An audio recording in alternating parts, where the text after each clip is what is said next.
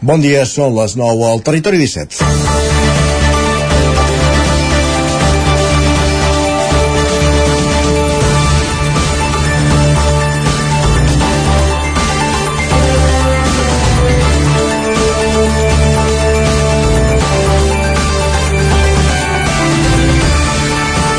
La Generalitat ha anunciat que posarà en marxa caixers itinerants, una mena d'oficines financeres mòbils per prestar servei al po als pobles que s'han quedat sense caixer automàtic. Ho explicàvem la setmana passada. No només per disposar de diners en efectiu, sinó per realitzar altres gestions. D'aquesta manera, la Generalitat se suma al moviment de la Diputació de Barcelona que la primavera ja va tirar endavant un procés administratiu similar. Caldrà veure com es coordinen les dues administracions en un tema que preocupa i ocupa a molts alcaldes d'Osona, el Ripollès, el Moianès i el Lluçanès. Comarques amb una elevada xifra de municipis petits que durant els últims anys han perdut el servei de caixer automàtic pel progressiu tancament d'oficines arran de la desaparició de les caixes d'estalvis i de la fusió de bancs. Aquest procés es va accelerar durant la pandèmia, quan es va produir l'autèntica explosió de les operacions telemàtiques. Els comptes de resultats dels bancs, i més ara amb l'increment dels tipus d'interès, continuen mostrant beneficis, però la xifra d'oficines no para de disminuir. A Catalunya n'hi ha un 73% menys que el 2008. En 15 anys se n'han perdut 3 de cada 4.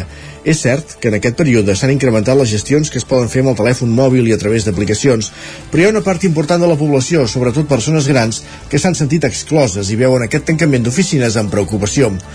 Per això s'han fet recollides de firmes, concentracions i fins i tot amenaces d'ajuntaments de deixar d'operar amb una entitat bancària concreta per l'anunci del tancament d'una oficina. La realitat, però, és que hi ha poc marge de maniobra. Per això, les administracions, la Diputació i ara la Generalitat han optat per moure fitxa. Mantenir un servei com aquest és una manera de lluitar pel reequilibri territorial, contra la despoblació i per reduir les desigualtats. És una llàstima que els bancs, que eren els que històricament prestaven aquest servei com a part del seu negoci, no ho vegin també així. Territori 17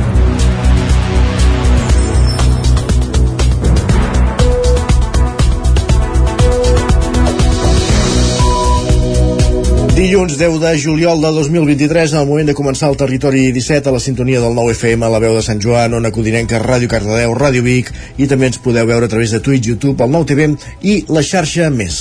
Passen dos minuts i mig de les 9 del matí, arrenca un territori 17 que us farà companyia durant dues hores aquest matí, des d'ara fins al punt de les 11.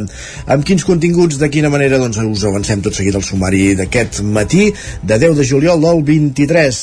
En aquesta primera mitja hora ens dedicarem a aprofundir en les notícies més destacades de les nostres comarques, les notícies del territori 17, en connexió amb les diferents emissores que dia a dia fan possible aquest programa. També farem un cop d'ull al cel perquè en Pep Acosta ens aporti la previsió meteorològica i anirem fins al quiosc a fer un cop d'ull a les portades dels diaris del dia, a repassar quines són aquestes portades en un moment en què la campanya electoral de les eleccions generals del 23 de juliol pren protagonisme. A partir de dos quarts de deu pugem al tren a la tren d'Alba amb l'Isaac Muntades recollint les cròniques dels oferts usuaris de la línia de tren Barcelona-Granollers Vic, Ripoll, Puigcerdà per on passa l'R3 i avui a l'entrevista parlarem de Castells perquè ahir els Segals d'Osona protagonitzaven la diada de la Festa Major de Vic en l'any de celebració del seu 25è aniversari i volem parlar amb la cap de colla dels Segals d'Osona, Griselda Riera després d'aquesta diada d'ahir on van aixecar tres castells de 7, el 7 de 7 el 5 de 7 i un de molt especial, el 3 de 7 aixecat per sota. La Griselda Riera ens explicarà en què consisteix, eh, com, com s'aixeca un castell des de sota cap amunt. Els solidaris, avui la, la Laura Serrat des de Ràdio Vic ens oferirà un resum amb un compendi final de tot el que ha estat aquesta secció al llarg de la temporada, notícies a les 10, la previsió del temps i els esports. Anirem fins a una Codinenca on en Roger Rams conversa amb el nou jugador de hoquei del Barça, Xavi Barroso, un jugador Sant Feliuenc, un rodamont de, de l'hoquei, que torna a una casa en la qual ja havia estat, al Barça. Parlarem amb Xavi Barroso, com dèiem, a partir d'un quart d'onze del matí. A dos quarts, al moment pel Twitter, i acte seguit la tertúlia esportiva, la darrera de la temporada, parlant dels moviments que hi ha al mercat avui, que, per exemple, Barça i Madrid tornen a la feina i ja comencen a entrenar per preparar la nova temporada. Aquest és el menú del Territori 17 d'avui i ara que passen 5 minuts de les 9 del matí ens posem en dansa, com dèiem, repassant les notícies més destacades de les nostres comarques, les notícies del Territori 17, les notícies del Vallès Oriental, l'Osona, el Ripollès, el Moianès i el Lluçanès.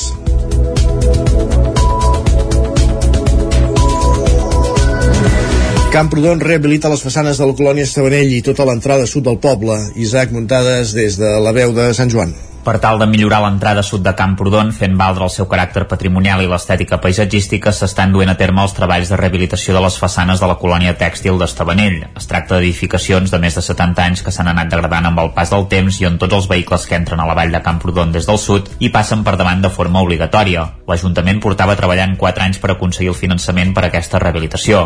Amb l'ajuda del Consell Comarcal del Ripollès van obtenir un fons Next Generation, un pla de recuperació, transformació i resiliència finançat per la Unió Europea. Les obres van començar el mes passat i està previst que no s'acabin fins al setembre o l'octubre. Tot el projecte de l'entrada de Camprodon està valorat en gairebé 600.000 euros dels 3 milions i mig que van arribar al Ripollès. L'alcalde Xavier Guitart explicava la intenció d'aquesta actuació. És un sol projecte, és l'entrada a Camprodon, però el que es fa és les façanes i galeries de la colònia, l'enllaç amb la via verda i l'entrada principal, que és l'entrada sud de Camprodon, que és carrer Tere Sant Joan i Cap de la Via. Una mica, una mica era una prioritat aquesta legislatura passada, aquests quatre anys que hem passat, de que volíem endreçar una mica les entrades de Camp Rodon que quedaven una mica quedant fictes engelades, tant al carrer Freixenet, l'entrada, com l'entrada per Llanàs, com l'entrada aquí per la carrer de Sant Joan, la de Freixenet i la de Llanàs s'han solucionat i ara ens quedava aquesta carretera Sant Joan i Camp de la Vila. L'alcalde apuntava que també s'han d'arreglar les passeres d'accés en alguns edificis ja que estan molt malmeses. Aquest projecte de millora de l'entrada a Camprodon també inclou la connexió per la Via Verda i l'entrada per la carretera de Sant Joan i el Camp de la Vila. Gràcies, Isaac. I a Cardedeu el servei de recollida d'escombraries es reforça amb 20 hores setmanals per retirar les bosses on,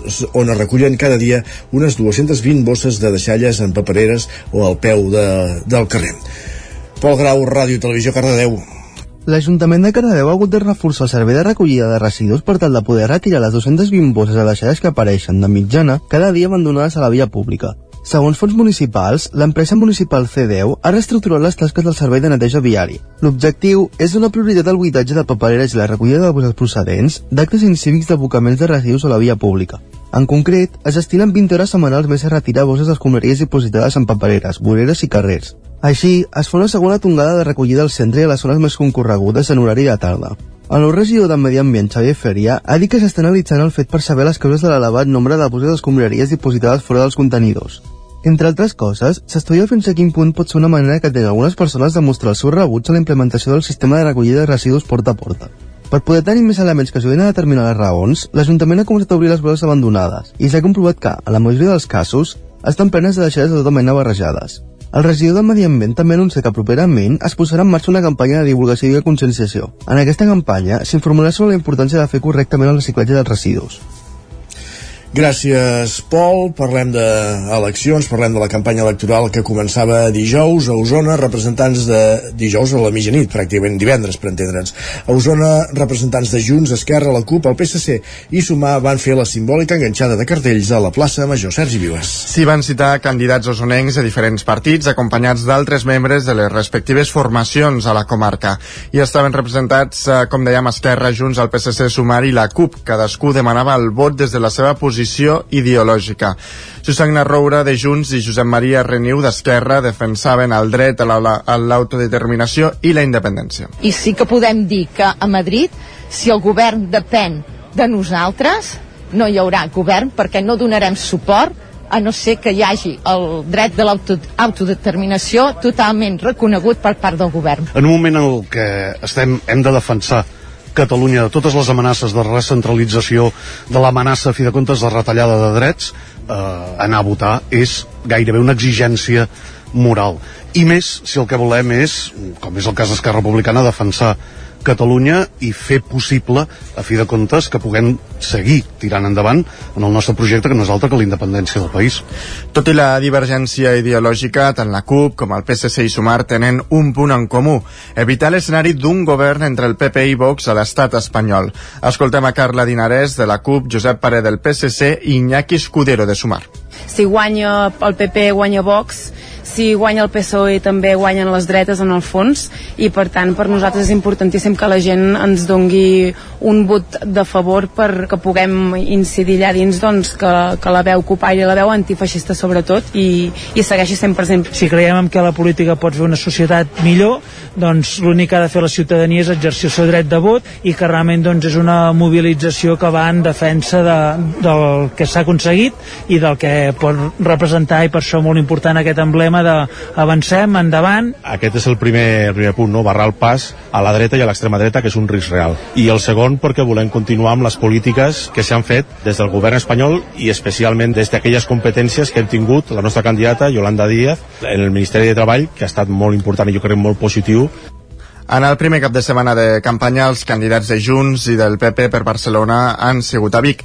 Dissabte, Míriam Nogueres, la número 1 de Junts per Catalunya, va encapçalar el míting de la formació juntament amb les candidates osonenques Susan, Susagna Roura i Carme Sayós. I diumenge va passar per la capital osonenca el cap de llista del PP al Congrés i fins poc diputat de Ciutadans Nacho Martín Blanco. Per cert, en dèiem enganxada de cartells, però cartells enganxats pocs, perquè mires les cartelleres electorals dels pobles de la comarca d'Osona i els candidats que, ha, que encara hi ha són els de les eleccions municipals. Però vaja, en fi, més qüestions. Aquests dies s'han presentat a Caldes de Montbui les novetats i els canvis que hi haurà pel que fa a la distribució dels col·legis electorals de cara a les eleccions d'aquest 23 de juliol. Roger Rams, zona codinenca. Sí, la principal novetat de tot plegat és que se suprimeixen alguns dels col·legis que hi havia habitualment, com ara els situats a les escoles Bressol municipals La Lluna i també el Gegant del Pi i també el situat al polígon industrial de la Borda, la seu de Caldes Empren, on hi votaven fins ara les persones residents a les urbanitzacions de Caldes. Tot plegat s'ha decidit concentrar-ho en un sol punt de votació que s'ubicarà al poliesportiu del Bugarai i que comptarà amb 8 meses electorals en les quals hi votarà el 40% de la població de Caldes. Escoltem Escoltem l'alcalde Isidre Pineda. Hi ha canvis importants a nivells d'espais electorals i de col·legis electorals alguns dels col·legis eh, que passen en aquest centre, en el pavelló del Bugarai, havien quedat petits, tenien certes dificultats. En aquest sentit, el col·legi del gegant del Pi votaran aquí, en el mateix pavelló, però també un dels canvis importants és el de les urbanitzacions, els calderins i calderines que viuen en barris, en barris interurbans votaran aquí al pavelló del Bugarai i el de la Lluna també ens generava algunes eh, dificultats. D'aquesta manera, el fet de centralitzar totes aquestes votacions de les persones que viuen en urbanitzacions. Per la seva banda, Josep Coral, jutge de Pau de Caldes, apunta que la nova ubicació disposarà de les mateixes comoditats que hi havia fins ara, per exemple, aparcament per la gent que vagi a votar en cotxe des de les urbanitzacions i que aquest canvi, amb aquest canvi, tots els col·legis de Caldes queden ara integrats al nucli urbà. En aquesta ocasió, vull dir, haurem pogut eh, incloure, vull dir, totes, tots els col·legis electorals de dintre de la tram urbana de Caldes, això serà un avantatge segurament doncs, per, per moltes persones també pels, pels membres de les meses eh, aquí es diu la gent que, està, que els votants de les organitzacions doncs aquí, ten, aquí disposaran també d'apartament de la mateixa manera que ho tenien al centre de, de, de, del polígon de la Borda així doncs, de cara als comicis del 23J, Caldes de Montbui estrena aquest nou col·legi electoral, macrocol·legi electoral, el més gran que ha tingut fins ara la població. Gràcies, Roger. Més qüestions del resultat de les eleccions les municipals. Eh? Encara, encara ara també en depenen els governs d'ens de, municipal com el Consell Comarcal i en el cas d'Osona també de la Mancomunitat La Plana. Esquerra i els independents han revalidat el pacte pel darrer mandat pel, del darrer mandat pel govern i per la presidència que recaurà en Pere Medina. Així doncs, Pere Medina dels Independents i alcalde del Brull continuarà al capdavant de la Mancomunitat i la vicepresidència recaurà en Xavier Rierola d'Esquerra. En aquest mandat, però, no preveuen fer canvis a mig mandat, com en la darrera legislatura, qui van compartir càrrec Rierola i els darrers dos anys Xavi Rovira, alcalde de Santa Eulàlia. Un acord que satisfà a totes dues parts i que asseguren tant Medina com Rierola posar per davant la voluntat del servei dels municipis apropar-nos més a la, a tant nosaltres valorem molt positivament que ha sigut un acord treballat des dels municipis i s'ha ficat per davant la, la voluntat de servei i, i el bon fet d'aquests últims, últims quatre anys. No? Amb els companys doncs, eh, hi va haver-hi unanimitat una mica en dir, escolta'm, eh, seguim igual una mica amb la presidència per en, per en Pere, en aquest cas independent, i la vicepresidència doncs, amb el cas nostre d'Esquerra, que ja doncs, l'última legislatura ja l'havíem compartit jo els primers dos anys i després del Xavier Rovira els dos darrers, i això que et deia abans, com que va anar bé doncs eh, seguim endavant sí que hi haurà canvis en la composició de la Junta, aprofitant els últims canvis en els estatuts de l'entitat que permetran ampliar de 7 a 9 representants, preveuen la incorporació d'un membre de Junts per millorar, diuen, la representativitat. Els reptes del, del mandat els tenen clars. Ampliar la cartera de serveis a la ciutadania i deixa de dependre de l'abocador d'Oris Pere Medina. Apropar-nos més a, la, a tant la societat eh, que tenim a la mancomunitat, tant gent jove com, com gent gran. Posta que hem fet amb, la, amb el tema de la planta de compost compostatge doncs, eh, intentar eh, tancar el cicle no? I, i cada cop intentar tot el volum que haguem de generar d'orgànica a la mancomunitat intentar anar al màxim que puguem fer autosuficients i evitar anar cap a, cap a Uris uns reptes que des de la Mancomunitat entomen amb energia després de celebrar els 40 anys de l'entitat. Més qüestions. Osona ha tancat el primer semestre del 2023 registrant una víctima mortal a les carreteres, un motorista, això sí. Va ser el passat 2 de maig quan un motorista va perdre la vida després de patir una sortida al tram final de l'eix transversal just abans de l'enllaç amb la C-17. Es tractava d'un home de 75 anys i veí del Carràs. Aquesta ha estat l'única víctima mortal a Osona aquest primer semestre, segons recull el balanç de sinistralitat del Servei Català de Trànsit. Les xifres en accidents mortals s'han reduït en la l'arrencada d'aquest any. En destaca, però, que com passa arreu de Catalunya, la tendència a l'alça de la relació entre víctima mortal i motoristes. D'altra banda, es confirma que la millora de les carreteres redueix el risc de sinistres. De fet, la majoria d'accidents mortals tenen lloc en carreteres secundàries. Al conjunt de Catalunya, durant el primer semestre, és a dir, fins al 30 de juny, van morir 71 persones en accidents de trànsit i una de cada tres era motorista. La mateixa tendència es replica al Ripollès, on hi ha hagut dos accidents mortals, també amb dos motoristes. Manlleu organitza un escape tour del Serpent eh, pels carrers i parts de la ciutat per fer arribar a la població la llegenda d'una manera diferent i fer-la viure durant tot l'any, Sergi. Una activitat que ha organitzat eh, l'Ajuntament conjuntament amb l'empresa Antetis la Bola i la coordinació del Museu del Ter. Es tracta de Mysterium Serpentis, un itinerari totalment gratuït que recorre els espais patrimonials naturals i culturals de Manlleu que vol fer veure la llegenda de la bèstia d'una manera diferent. En parla la regidora de Cultura, Aida Montonya. Jo crec que el serpent és un tret de la identitat de Manlleu, un valor cultural de la nostra cultura popular i jo crec que tots els manlleuencs i les manlleuenques coneixen la llegenda, coneixen no, el serpent, sobretot la festa, que la tenim molt associada aquest 14 d'agost, però està bé que surti d'aquí, no? que tothom pugui acostar-se al serpent d'una manera diferent a través d'aquest escape tour. L'únic requisit necessari per completar el recorregut és un llibret que es pot treure de la web o anar-lo a buscar al Museu del Ter on s'indica l'itinerari que passa per localitzacions destacades a la ciutat com l'embarcador o la Font de la Mare de Déu. En total són set parades amb punts claus de la ciutat on hi ha col·locades fites per acabar trobant el diamant del serpent, ho explica el tècnic de comunicació del museu, David Rebolló. Tu has de seguir aquest recorregut, d'acord? Que són set punts diferents que et fan passejar per al passeig del Ter, després carrer Enric de l'Aris, fins a arribar al casc antic i acabar anant doncs, a la plaça, i en cada punt tens un enigma a resoldre. Aquí tens l'enigma, has de posar la resposta i després el més important és que en diferents punts hi ha unes fites i en aquestes fites hi ha uns dibuixos que has de reproduir en aquests quadrets d'aquí repassant parts de la llegenda del serpent, com el seu hàbitat, la seva cançó o la fauna del riu Ter, els visitants fan gairebé dos quilòmetres de recorregut. Nosaltres en farem menys, farem dues hores de recorregut de programa de ràdio i de fet ja n'hem fet pràcticament una quarta part, abans però d'avançar el que hem de fer és reconèixer la previsió meteorològica per les properes hores.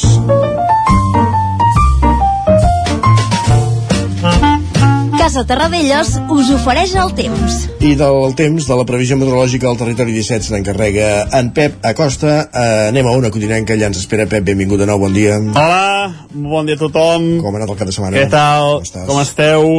Uh, per fi dilluns comença una nova setmana laboral, encara que molta gent ja de vacances, uh, molta gent segur que encara no, uh, gent que les té a prop, gent que no en fa, Bueno, és igual, eh? Hi ha de tot, com sempre, en aquest eh, món, i segur que tenim oients de totes les maneres. Doncs bé, per tothom, eh, aquí hi ha la informació meteorològica. I què podem dir?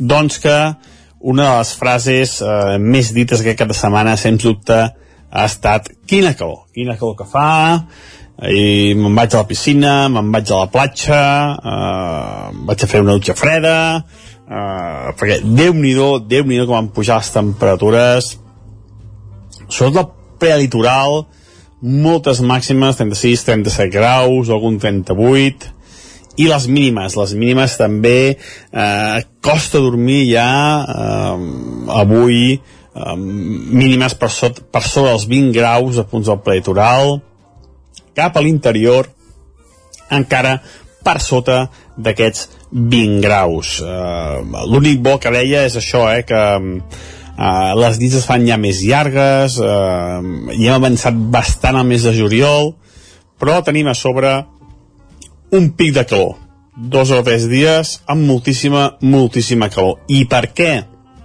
Doncs perquè hi ha una potentíssima pertorbació a les Illes Britàniques, una pertorbació molt important, i aquesta pertorbació, amb vents antihoraris, fa que, que, que, que a casa nostra hi hagi eh, vents procedents de, del Sàhara, de, de, de, de, del desert del Sàhara, d'Àfrica, i fa que la temperatura es dispari. També aquesta mala visibilitat, molta pols en suspensió, eh, baix els ingredients eh, típics i tòpics d'una metodologia durant la calor, de, de temperatures altes, eh, en definitiva, de molta, molta, molta calor, molta calor, molta calor. I avui tindrem tots aquests ingredients, eh, aquesta pols, aquestes temperatures mínimes que ja han sigut altes i les màximes que tornen a ser tan o més altes que les d'ahir. Uh, les dues comarques, uh, jo crec que avui encara no, però demà és possible que superem els 40 graus. Avui Falsa, estic segur que farem 37, 38, algun 39, i demà fins i tot superarem els 40.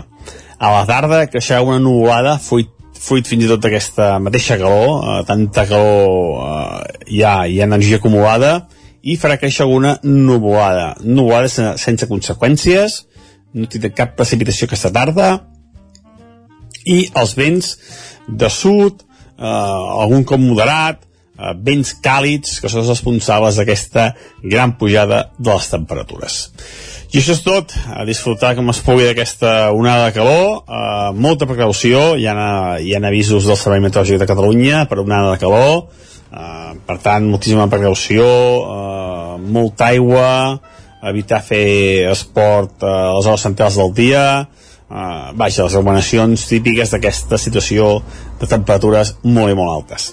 Moltes gràcies, adeu, bon dia. Parlem després. 40 ha dit 40 demà. En fi. Gràcies, Pep, parlem d'aquí una estoneta. Casa Tarradellas us ha ofert aquest espai. I anem fins al quiosc, anàvem a dir mm, allà si està més fresc, de fet que, que cada cop hi ha menys de quioscos tampoc és la temperatura, tampoc el més preocupant és la temperatura. El, el que més en podem destacar són les portades dels diaris, Sergi, bon, benvingut de nou. Això sí, això sí. Mira, comencem pel 9-9 a Dosona, Ripollès i Lluçanès, que ens expliquen que la campanya pel 23J arrenca amb la preocupació dels partits per l'abstenció. Expliquen que la participació és un dels cavalls de batalla d'aquestes eleccions generals després que es desplomés a les municipals. I avui a la portada doncs, trobem una història, podríem dir, inclús de pel·lícula expliquen que mm, una família nòmada francesa, formada per una parella i cinc fills, viu de poble en poble i es desplaça acompanyada de quatre cavalls, un burro i 24 cabres. 24. I en el seu pas a, cap a Andalusia doncs, van passar pel Ripollès i eh, ens van explicar doncs, la seva història. Allà els van aturar i els van fer tornar cap a França perquè no complien la normativa animal. De fet, ho sí explicàvem la setmana passada aquí al territori 17 i avui són els protagonistes de la, la portada del, del 9-9, correcte. Més coses. I al Vallès Oriental, el 9-9, doncs ens expliquen que me, hi ha més, uh, més de 72 milions dels fons de Next Generation van a empreses i administracions valesanes. Expliquen que Granollers és l'Ajuntament que més n'ha rebut amb 14,2 milions i també destaquen eh, aquest escaldàrium que s'ha viscut i ha vibrat a Caldes. Expliquen que més de 6.000 persones omplen la plaça de la Font del Lleó en la festa del foc i l'aigua i en territori... Espectacular l'escaldari un any més, molt bé, sí, sí, sí, més qüestions. I en territori doncs, nacional, el punt avui encapçala la portada amb el titular avala la gestió pròpia i és que expliquen que un ampli percentatge de catalans defensen que la Generalitat tuteli Rodalies o l'aeroport. Diuen que segons una enquesta també són majoria els partidaris d'assumir la recaptació dels impostos. De fet, ja sabem com ho fan els altres, per tant, no, no estaria més provar com, com som capaços de fer Clar. nosaltres des d'aquí. Hombre. Um, el periòdico destaca l'alarma a les platges a les portes de l'onada de Caló. Expliquen que aquest cap de setmana han, ha sigut tràgic amb quatre ofegats i ara doncs, es dona pas a tres dies d'altes temperatures. La Vanguardia diu que un 60% dels espanyols i un 80% dels catalans estan preocupats per una possible coalició entre PP i Vox. Ja saben què han de fer, no votar-los. Ah, sí. Mira, que és senzill. Expliquen que a, a un 41% del, els inquieta el pacte entre PSOE i Sumar i un 40% confien en el PP per a l'economia. De fet, l'Ara diu que un 30% dels votants del PP estan en contra dels pactes amb Vox. Expliquen que l'esquerra està dividida sobre si facilitar la investidura de Feijó per evitar la presència de l'ultradreta al govern però tot això dependrà dels resultats, no? És que clar... No, clar, clar. Això no es veurà fins al 23, 23 de juliol.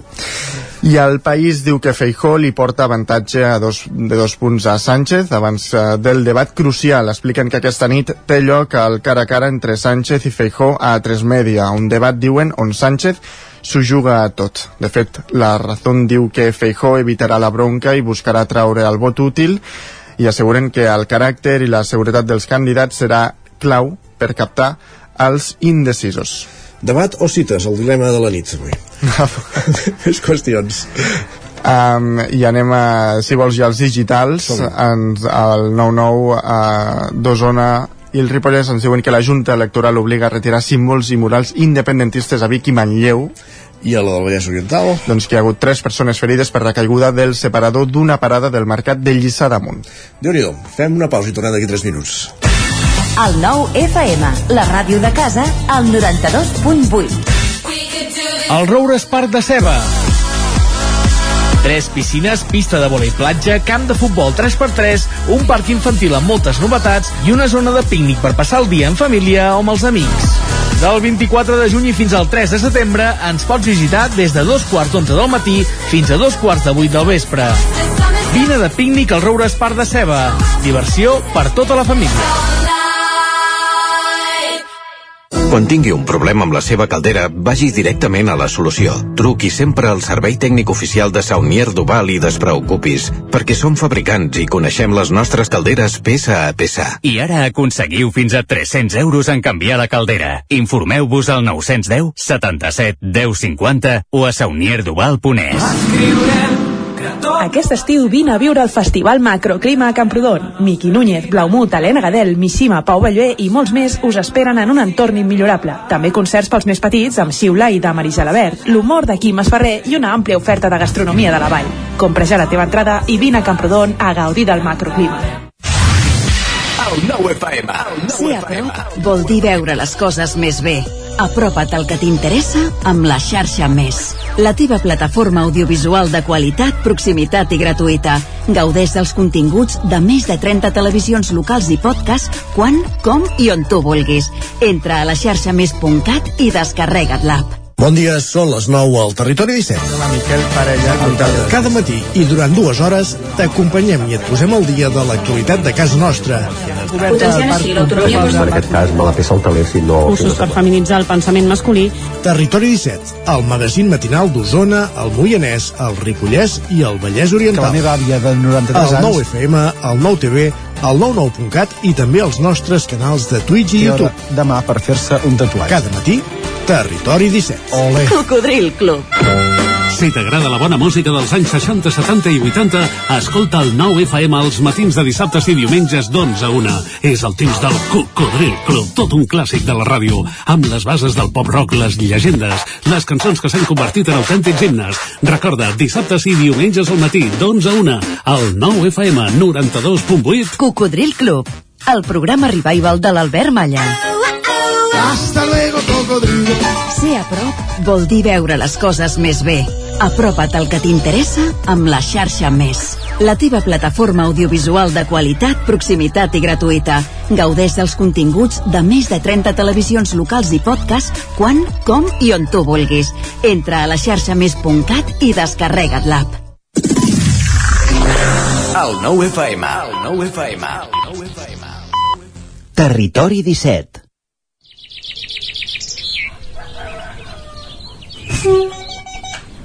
A Tren d'Alba.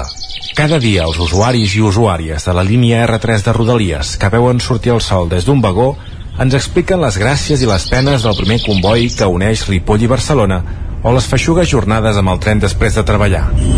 Benvinguts a Tren d'Alba. Avui ja us deixo directament amb la crònica d'en Jordi Valls, que té moltes ganes de fer un sentit homenatge a la professió que ara mateix realitza la seva filla. Endavant, Jordi. Bon dia, sóc en Jordi Valls de Centelles. El tren ha baixat, jo crec que era un o dos minuts tard, o sigui, puntual, puntual. No, molt bé, també anàvem xerrant i ni he mirat l'hora, ha estat una xerrada divertida.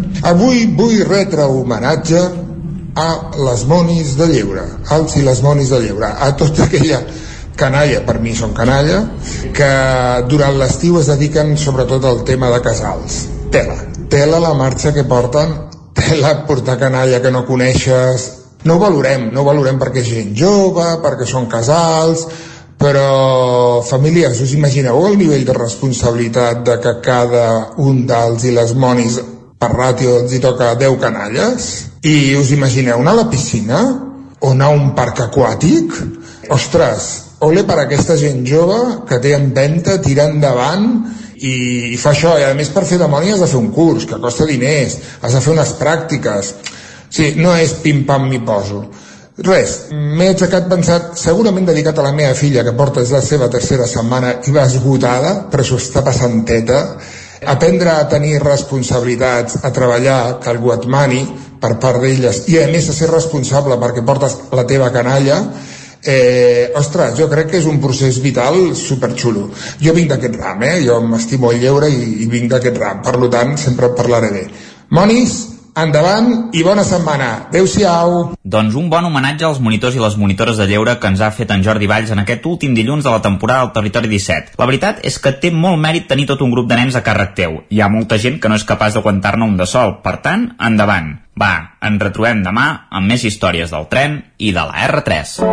Territori 17, el 9 FM, la veu de Sant Joan, Ona Codinenca, Ràdio Cardedeu, Territori 17. Dos minuts i mig que passen de dos quarts de deu al matí.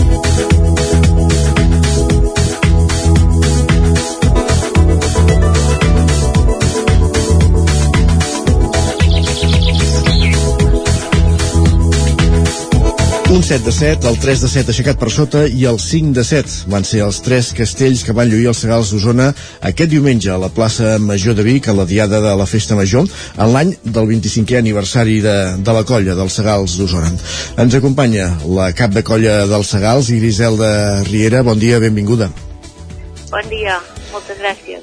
Ahir eren aquests els tres els castells que comentàvem ara que fèieu en aquesta diada de la festa major uh, i el que recuperau era aquest uh, 3 de 7 aixecat per sota que feia molts, molts anys que la colla no feia és una tècnica diferent a la que estem acostumats a veure normalment amb els castells aixecar-lo per sota aquesta és la seva complicació, oi?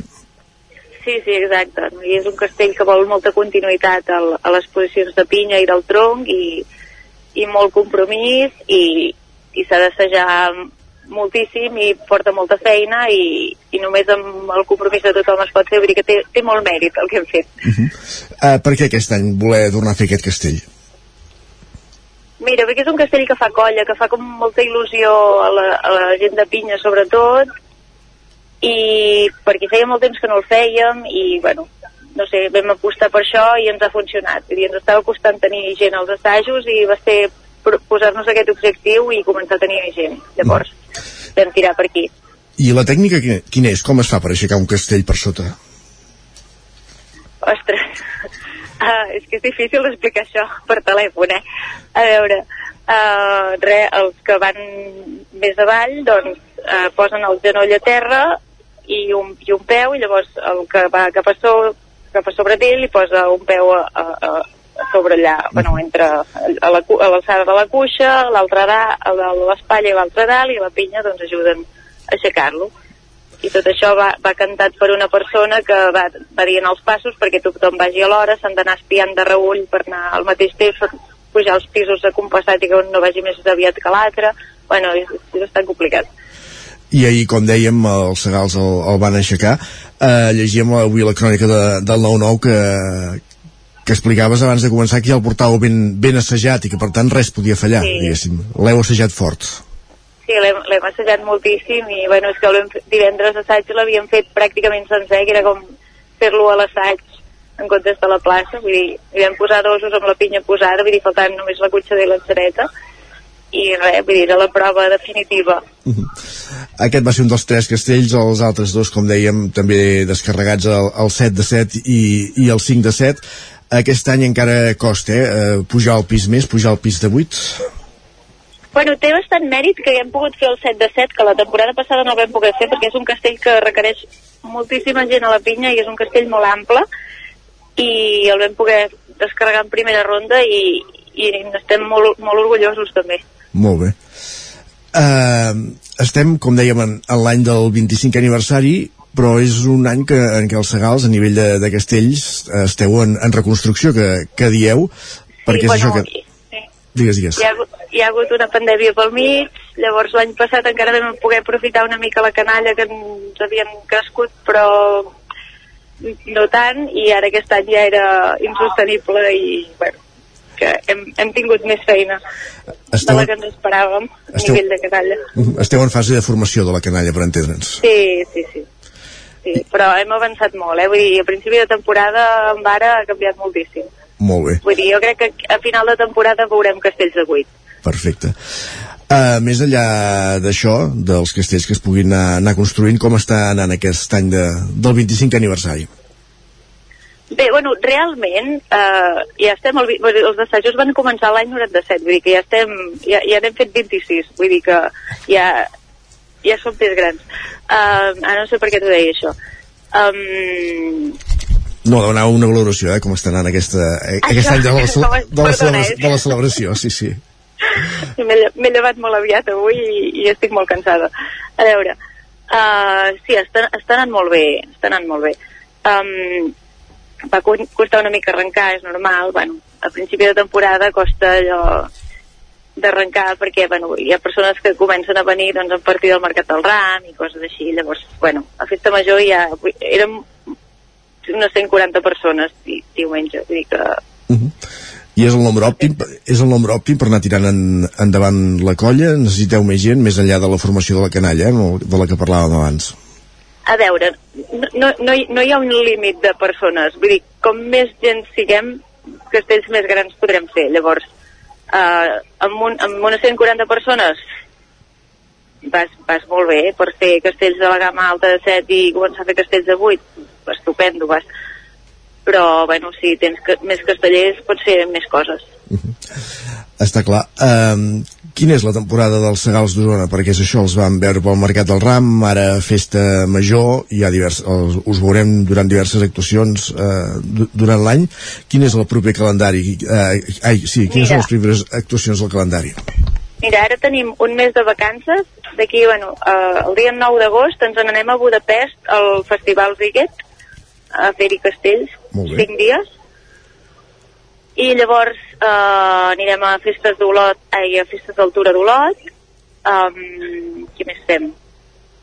Anirem a, la- a vigílies de diada de Minyons de Terrassa, això ja al novembre, però abans haurem passat per Callatenes, a Roda també hi anem per la festa major, tenim la nostra diada a Vic a principis de novembre, no, encara, encara queden, també anirem a Vilafranca, que actuem amb els xicots, vull dir, en queden unes quantes encara d'actuacions. I a Budapest, què, què és aquesta trobada on, on, on hi aneu a fer castells? Hi ha més colles castelleres? Va, Eh, què consta? no, no, anem no, de castellers només hi anem nosaltres. És un festival de música així a nivell internacional que ens han convidat. Molt bé. En, hi havíem d'anar el 2020, però bueno, hi va haver una pandèmia que ens va impedir anar-hi, llavors hi anem ara. Està clar. La pandèmia, com deies abans, com apuntaves abans, ha estat un, un punt d'inflexió en totes les colles castelleres, també eh, amb els segals, òbviament, eh, i una mica a mica ja us ho aneu recuperant, no?, pel que deies abans, que un cop tingueu la, la, la nova canalla formada i en condicions, sí. estarà supera, es podrà dir que està superada. Sí, segurament sí. Vull dir, que el nivell ha baixat eh, a, a, a totes les colles només s'ha de veure l'any passat el concurs vam quedar en tercera posició de dissabte igual que l'última edició de concurs que havíem anat fent una actuació molt per sota de la que havíem fet llavors per tant, dir, totes les colles han baixat i totes ens anem refent molt. mica en mica i deia això, que, que a finals de temporada podrem ja començar a veure eh, castells de buit, si està treballant ja els assajos? Sí, sí, tant Uh, hem posat acotxador en el 3 i el 4 de 7 nets ja, vull dir que no, no els vam fer per festa major perquè som una colla que estagem molt els castells i fins que no l'hem travessat moltes vegades, l'hem posat en pinya fins a dosos, bueno, que anem molt a assegurar, uh, per això encara no els hem fet, però vull dir, uh mhm. -huh. jo crec que a diada un dels dos, si no tots dos, o la Torre de Set també, vull dir, anem bé, vull dir, els assajos estan anant en molt bona línia, la colla està responent bé, hi ha molt bon rotllo, mm, bé. I ja, per últim, eh, abans ho dèiem, eh, esteu amb la celebració del 25 aniversari, tot i que es va constituir el, el 97 ja serien 26, però eh, i ara eh, toca ser la cap de colla en, en aquesta època, també toca que, que valoris una mica aquests, la trajectòria d'aquests 25 anys, per la part que hagis conegut, òbviament. Com? Bueno, jo l'he conegut tota perquè fa 25 anys ja hi era. Molt bé. Mm, bé. Vas començar sí. com a canalla, també, com a enxaneta. Sí, sí, era cotxadora quan era petita. Uh, molt bé, bueno, som una colla que hem anat uh, pujant i baixant, vull dir, hem anat o sigui, hem, tingut, hem tingut èpoques millors i èpoques pitjors i ara estem en una època baixa, però anem remuntant, vull dir, no... Jo crec que, que tornarem on érem i, i, i anirem a més. Perfecte. No aquesta temporada, evidentment, perquè falta, falta més temps per arribar-hi, però estic segura que aquesta colla té la capacitat d'arribar on era i fer més. Doncs nosaltres... Tenim molt potencial. I nosaltres que ho anirem seguint. Perfectíssim. Grisel, Grisel de Riera, cap de colla dels Segals d'Osona, moltíssimes gràcies. A vosaltres, que vagi molt bé. Bon dia. Adéu, bon dia. Adéu. Doncs hem conegut la valoració que fan els senyals d'Osona d'aquest seu 25 anys d'aquesta diada castellera de la Festa Major de Vic celebrada aquest diumenge amb aquests tres castells de set però com sentíem ara la seva cap de colla amb la intenció d'arribar al vuitè pis eh, al llarg d'aquesta temporada i anar més en els propers mesos i, i anys. Ara mateix, tres, dos minuts i mig perquè siguin tres quarts de deu del matí i és moment d'anar fins a Ràdio Vic, és moment de solidaris. Territori, Territori 17. 17. Territori 17.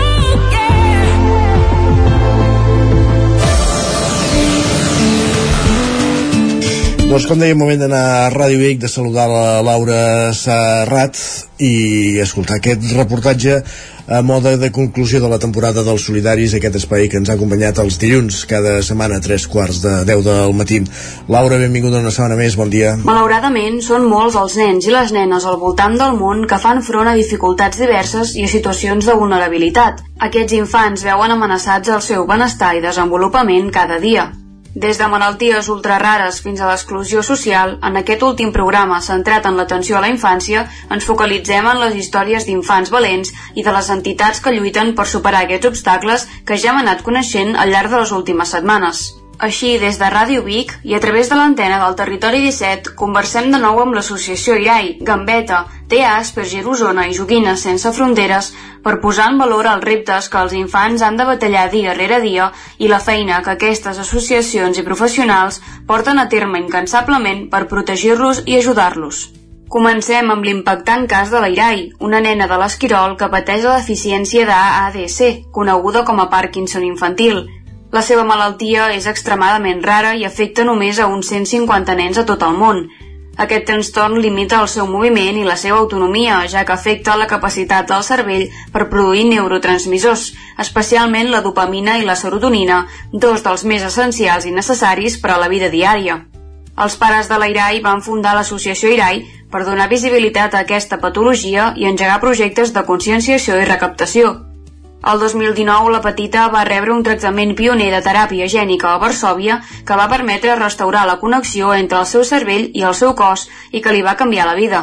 Carolina Moreno, presidenta de l'entitat i mare de l'IRAI, ens parla sobre els reptes que la seva filla ha hagut d'afrontar des que va néixer. Els reptes que, que es planteja l'IRAI doncs, continuen sent els de continuar emocionant perquè l'IRAI aquests quatre anys ha hagut de desaprendre tot el que va aprendre durant quatre anys que va sense poder moure, sinó comunicant-se amb la mirada, amb el tancar i obrir els ulls, i per tant ha de desaprendre tota una sèrie de coses com molt consolidades i ha d'aprendre a moure's i a viure en un món totalment nou, que és en el qual ella pot controlar el seu cos i pot començar a interactuar amb la resta de la gent d'una manera diferent que feia fins ara, no? molt més àmplia i molt més generosa, no? que és movent el cos i fent servir la seva veu.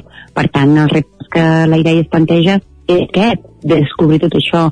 I paral·lelament nosaltres els reptes que ens plantegem és el que la idea pugui fer això en una societat on estigui sensibilitzada i poder donar tots els serveis i totes les ajudes que siguin necessàries per a aquests nens. I que afortunadament la IRAI ja està a 4, 5, 10 passos més endavant de el que fa 4 anys hi ha molts nens que no han pogut fer aquest, aquest segon renaixement i que tenen moltes dificultats i per tant la nostra, diguéssim, el nostre objectiu com a pares és intentar també conscienciar la resta de, de la societat i, i fer això, no? fer normalitzar un fet doncs, que malauradament també cada dia és més habitual no? que hi hagi nens amb, amb malalties. En aquest sentit, la família de l'Irai agraeix l'acollida de la seva comunitat davant les circumstàncies i denuncia que altres nens amb altres dificultats no hagin tingut tanta sort. Els reptes, nosaltres també ten tenim molta sort. Paral·lelament, nosaltres vivim en un poble molt petit amb el qual ja fa molts anys, justament com van crear l'associació IRAI, vam apostar per ser molt clars i molt no amagar a la nostra filla i no amagar la malaltia que tenia la nostra filla i per tant vam decidir que explicaríem a tort dia dret i vam fer fins i tot una publicació en una de les revistes de la Festa Major, que és una revista doncs, que arriba a totes les cases, i vam fer explicar una mica per què creàvem l'associació i quina malaltia tenia la nostra filla, justament doncs, per això, no? Per, per no, que, no, que no fos un tabú, que no fos una cosa que no es pogués parlar, que l'airai per por o per desconeixença no fos mirada, no fos tinguda en compte. Vam, vam començar, diguéssim, construint un entorn, doncs això, no es pogués parlar molt. Per tant, el nostre entorn, i afortunadament la gent va respondre d'una manera molt maca, molt assertiva, que va ser un gust, no? Per tant, nosaltres sí que és veritat que sentim que la idea està molt acompanyada al poble, però sí que ens és inevitable par-nos, malauradament, amb una societat, com per exemple el Departament d'Ensenyament o d'Educació, perdona, que, que és horrible a l'hora de tenir en compte determinades situacions que puguin suposar doncs, una sèrie de recursos extras, no? Es ningunegen, fan que, que tinguin molt dificultats per sobretot els professionals que estan a primera línia. Nosaltres també tenim grans professionals que estan a primera línia, però que els estan posant molt difícil perquè no hi ha recursos, perquè és un tirar cap endavant de dir, bueno, no us espavileu, no? I, i aquests nens necessiten una mirada extra. I justament també és com molt injust que els companys que estan amb ells hagin de prescindir d'algunes mirades extras o d'algunes mirades perquè no hi ha temps per tothom, no?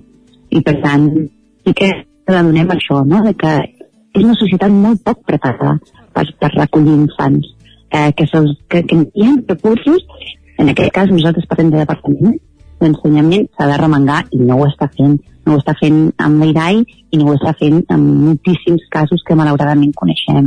A continuació ens dirigim de nou a la nostra comarca, Osona, per conèixer una entitat singular. Gambeta és un projecte que utilitza el futbol com a eina per proporcionar oportunitats educatives i professionals als nens i joves en risc d'exclusió social. Des de Vic i fins a Colòmbia, aquesta iniciativa ha arribat a transformar vides. Pep Novelles, fundador de Gambeta, ens parla sobre les dificultats dels infants que tenen. Principal repte del cap i la fi és el seu dia a dia familiar. Són nens i nenes que tenen una vida molt precària econòmicament. Difícilment a casa seu els puguin ajudar a fer classes de repàs perquè o són analfabets alguns dels pares, alguns d'ells han de treballar moltíssimes hores per obtenir molt pocs sous, alguns d'ells inclús són drogadictes, per tant viuen en situacions molt precàries i en ocasions inclús amb dificultats de poder anar a l'escola i a vegades els propis pares, diguem-ne, els utilitzen per poder fer algunes activitats inclusives il·lícites perquè nens menors de 14 anys, diguem-ne, són inimputables i llavors allà a Colòmbia, sobretot, doncs a vegades amb aquests nens, diguem-ne, els utilitzen com a mules per poder fer tràfic d'estupefents de, i nosaltres una miqueta el que intentem també tallers amb els familiars perquè adquireixin el compromís de mantenir-los a l'escola i de fer-los entendre que el futur dels seus fills passa per, per estudiar, per no abandonar els estudis abans d'acabar els estudis obligatoris i si poden fer estudis superiors molt millor, però que el fet de que els utilitzin com a mà d'obra o, o per poder obtenir diners i, i això provoqui l'abandonament escolar és pa per avui, fam per demà, per tant llavors no sortirien d'aquest cercle viciós, diguem-ne, de, de famílies desestructurades i amb grans dificultats econòmiques. Seguim el nostre recorregut per descobrir TEA Asperger Osona, una entitat que acompanya les famílies i els nens afectats per la síndrome d'Asperger i el trastorn de l'espectre autista. Amb més de 200 famílies associades, treballen per superar l'estigma i proporcionar suport i eines a aquesta comunitat. Cristina Bonfill, psicòloga i coordinadora de l'entitat, també ens detalla els reptes d'aquests infants. Actualment la síndrome d'Asperger com a tal està inclosa dins del trastorn de l'espectre autista. El trastorn de l'espectre autista és un trastorn del neurodesenvolupament que acompanya la persona al llarg de tota la vida. Llavors, en funció no, de l'etapa vital en la que es troba, les manifestacions poden ser una mica diferents. Les dificultats es centren en el que es coneix com la díada, que són dificultats en les relacions i en la comunicació social i dificultats en patrons d'interès i de conducta restringida. Són persones doncs, que, per exemple, tot el tema de les bromes, la ironia, les metàfores, l'ús de la comunicació en un àmbit social, doncs els hi costa, els hi costa interpretar no, la, les situacions, solen tenir una baixa tolerància a la frustració, els hi costa molt relacionar-se amb iguals, no, per aquestes dificultats en les habilitats socials, i en molts dels casos solen presentar interessos restringits, no? com es focalitzen molt, focalitzen l'interès en un tema molt concret i molt específic. Cada dia per ells, en tots els entorns és un gran repte. Però ara, per exemple, el que sí que estem veient i estem palpant des de l'entitat, no? és una gran necessitat de poder donar suport és en la inserció laboral. Les últimes dades en quant a persones que estan treballant ens diuen que el 80% de les persones diagnosticades amb TEA no tenen feina. Són persones capaces, totalment vàlides per poder desenvolupar una feina. L'únic que necessiten unes adaptacions concretes en el seu lloc de treball. I aquí és una mica on ara tenim posat l'objectiu. Joguines Sense Fronteres també és una de les entitats referents d'Osona i s'encarrega de recollir joguines en desús i fer-les arribar als nens que més les necessiten, tant a la comarca com a altres parts del món. Conversem amb Jou Puigferrer, president i fundador de l'entitat, que explica quines són les circumstàncies dels nens que reben aquests joguets.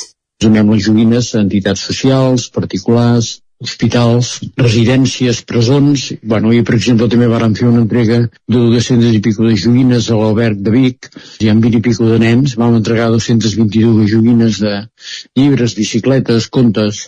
Doncs hi ha nens que no tenen res, no tenen absolutament res. Llavors també hem col·laborat amb el Rebot Solidari de Vic, que està format per la Creu Roja, Càritas i l'Ajuntament de Vic, i abans de la pandèmia anàvem allà, ens passaven unes llistes dels usuaris del Banc dels Aliments de Vic o Rebot Solidari, vull dir, es coneixen les dues amb els dos noms, llavors nosaltres preparàvem joguines i els anàvem a donar allà. I llavors fèiem grups de 0 a 3 anys, de 3 a 6, de 6 a 9 i de 9 a 11. I allà 11 a 12 paràvem perquè vull dir, la canalla 11 a 12 ja volen tauletes o altres coses que nosaltres no tenim. Es fa patent que el dia a dia de molta canalla no és gens senzilla i és segur que sense l'ajuda d'aquestes entitats encara ho seria més. Totes elles comparteixen el seu compromís per continuar creant oportunitats i construir un futur on la felicitat i la qualitat de vida de tots aquests infants siguin una prioritat. L'objectiu final també el comparteixen, seguir treballant amb tants nens com sigui possible i que tots tinguin l'oportunitat de llaurar un futur millor. I després d'aquest últim programa ens retrobem al setembre. Doncs fins al setembre. Gràcies, Laura, una setmana més i que es vagin acomplint en la mesura del possible tots aquests desitjos. Fins aquí els solidaris aquest matí de Territori 17 i arribarem al punt de les 10 acompanyats amb música i amb una estrena, amb un disc que sortia la setmana passada i que és el retorn ni més ni menys que de Quico el Celio, el noi i el mut de Ferreries eh, a la publicació, a l'edició de, de nous treballs discogràfics i n'escoltarem una de les seves noves cançons aquí al Territori 17 en aquests darrers 5 minuts fins a arribar a les 10 del matí després d'aquests solidaris com dèiem dedicades a, a repassar el més destacat d'aquestes entitats que treballen pels més petits, pels nens i nenes eh, que hem conegut en les darreres setmanes aquí al Territori 17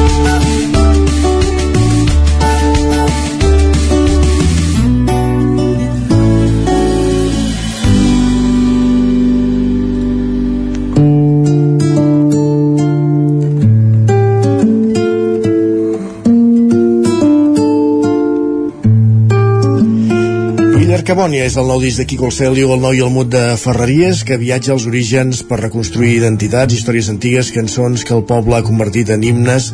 I Carbònia és un viatge a través d'un territori que comparteix història, llengua, cultura i tradicions. És el nom d'aquest nou disc de Quico el Celio, el nou i el mut de Ferreries, que conté cançons com, cançons com aquesta, La carretera del Corre. Fins a les 10, al territori 17. Records de quan se feien les festes de quan jo era un jovenot de quan anàvem als bous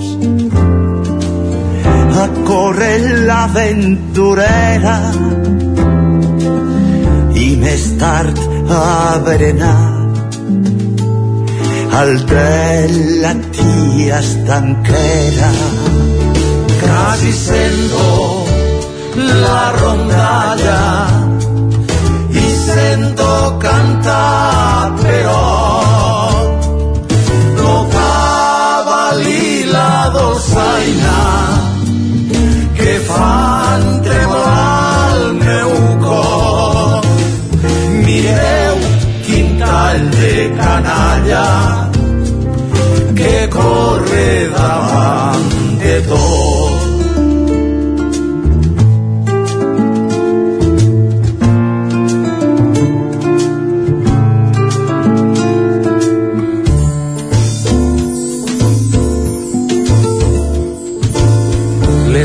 Xiques van molt mudades en faldetes i gipó. Les botes molt ben cordades i al coll un bon mocador. Los xics també van vestits en faixa i en calçó estret les espardenyes de l'hòstia i al cap lo mocadoret. Quasi sento la rondalla i sento cantar però lo i la dolçaina que fan tremolar el meu cor mireu quin tall de canalla que corre davant de tot.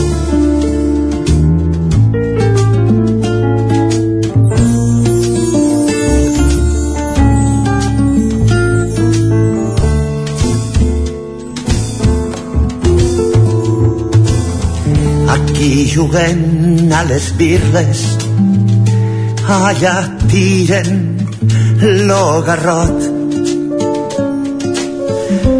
Més allà juguen a morra per veure qui paga el got. Ai, festes les del meu poble, per mi les millors del món. Tinc una pena molt fonda que no tornareu més no. Casi sento la rondalla y sento cantar però lo cavalli la dolçaina que fan tremolar el meu cor mireu quin tall de canalla que corre davant de tot quasi sento la rondalla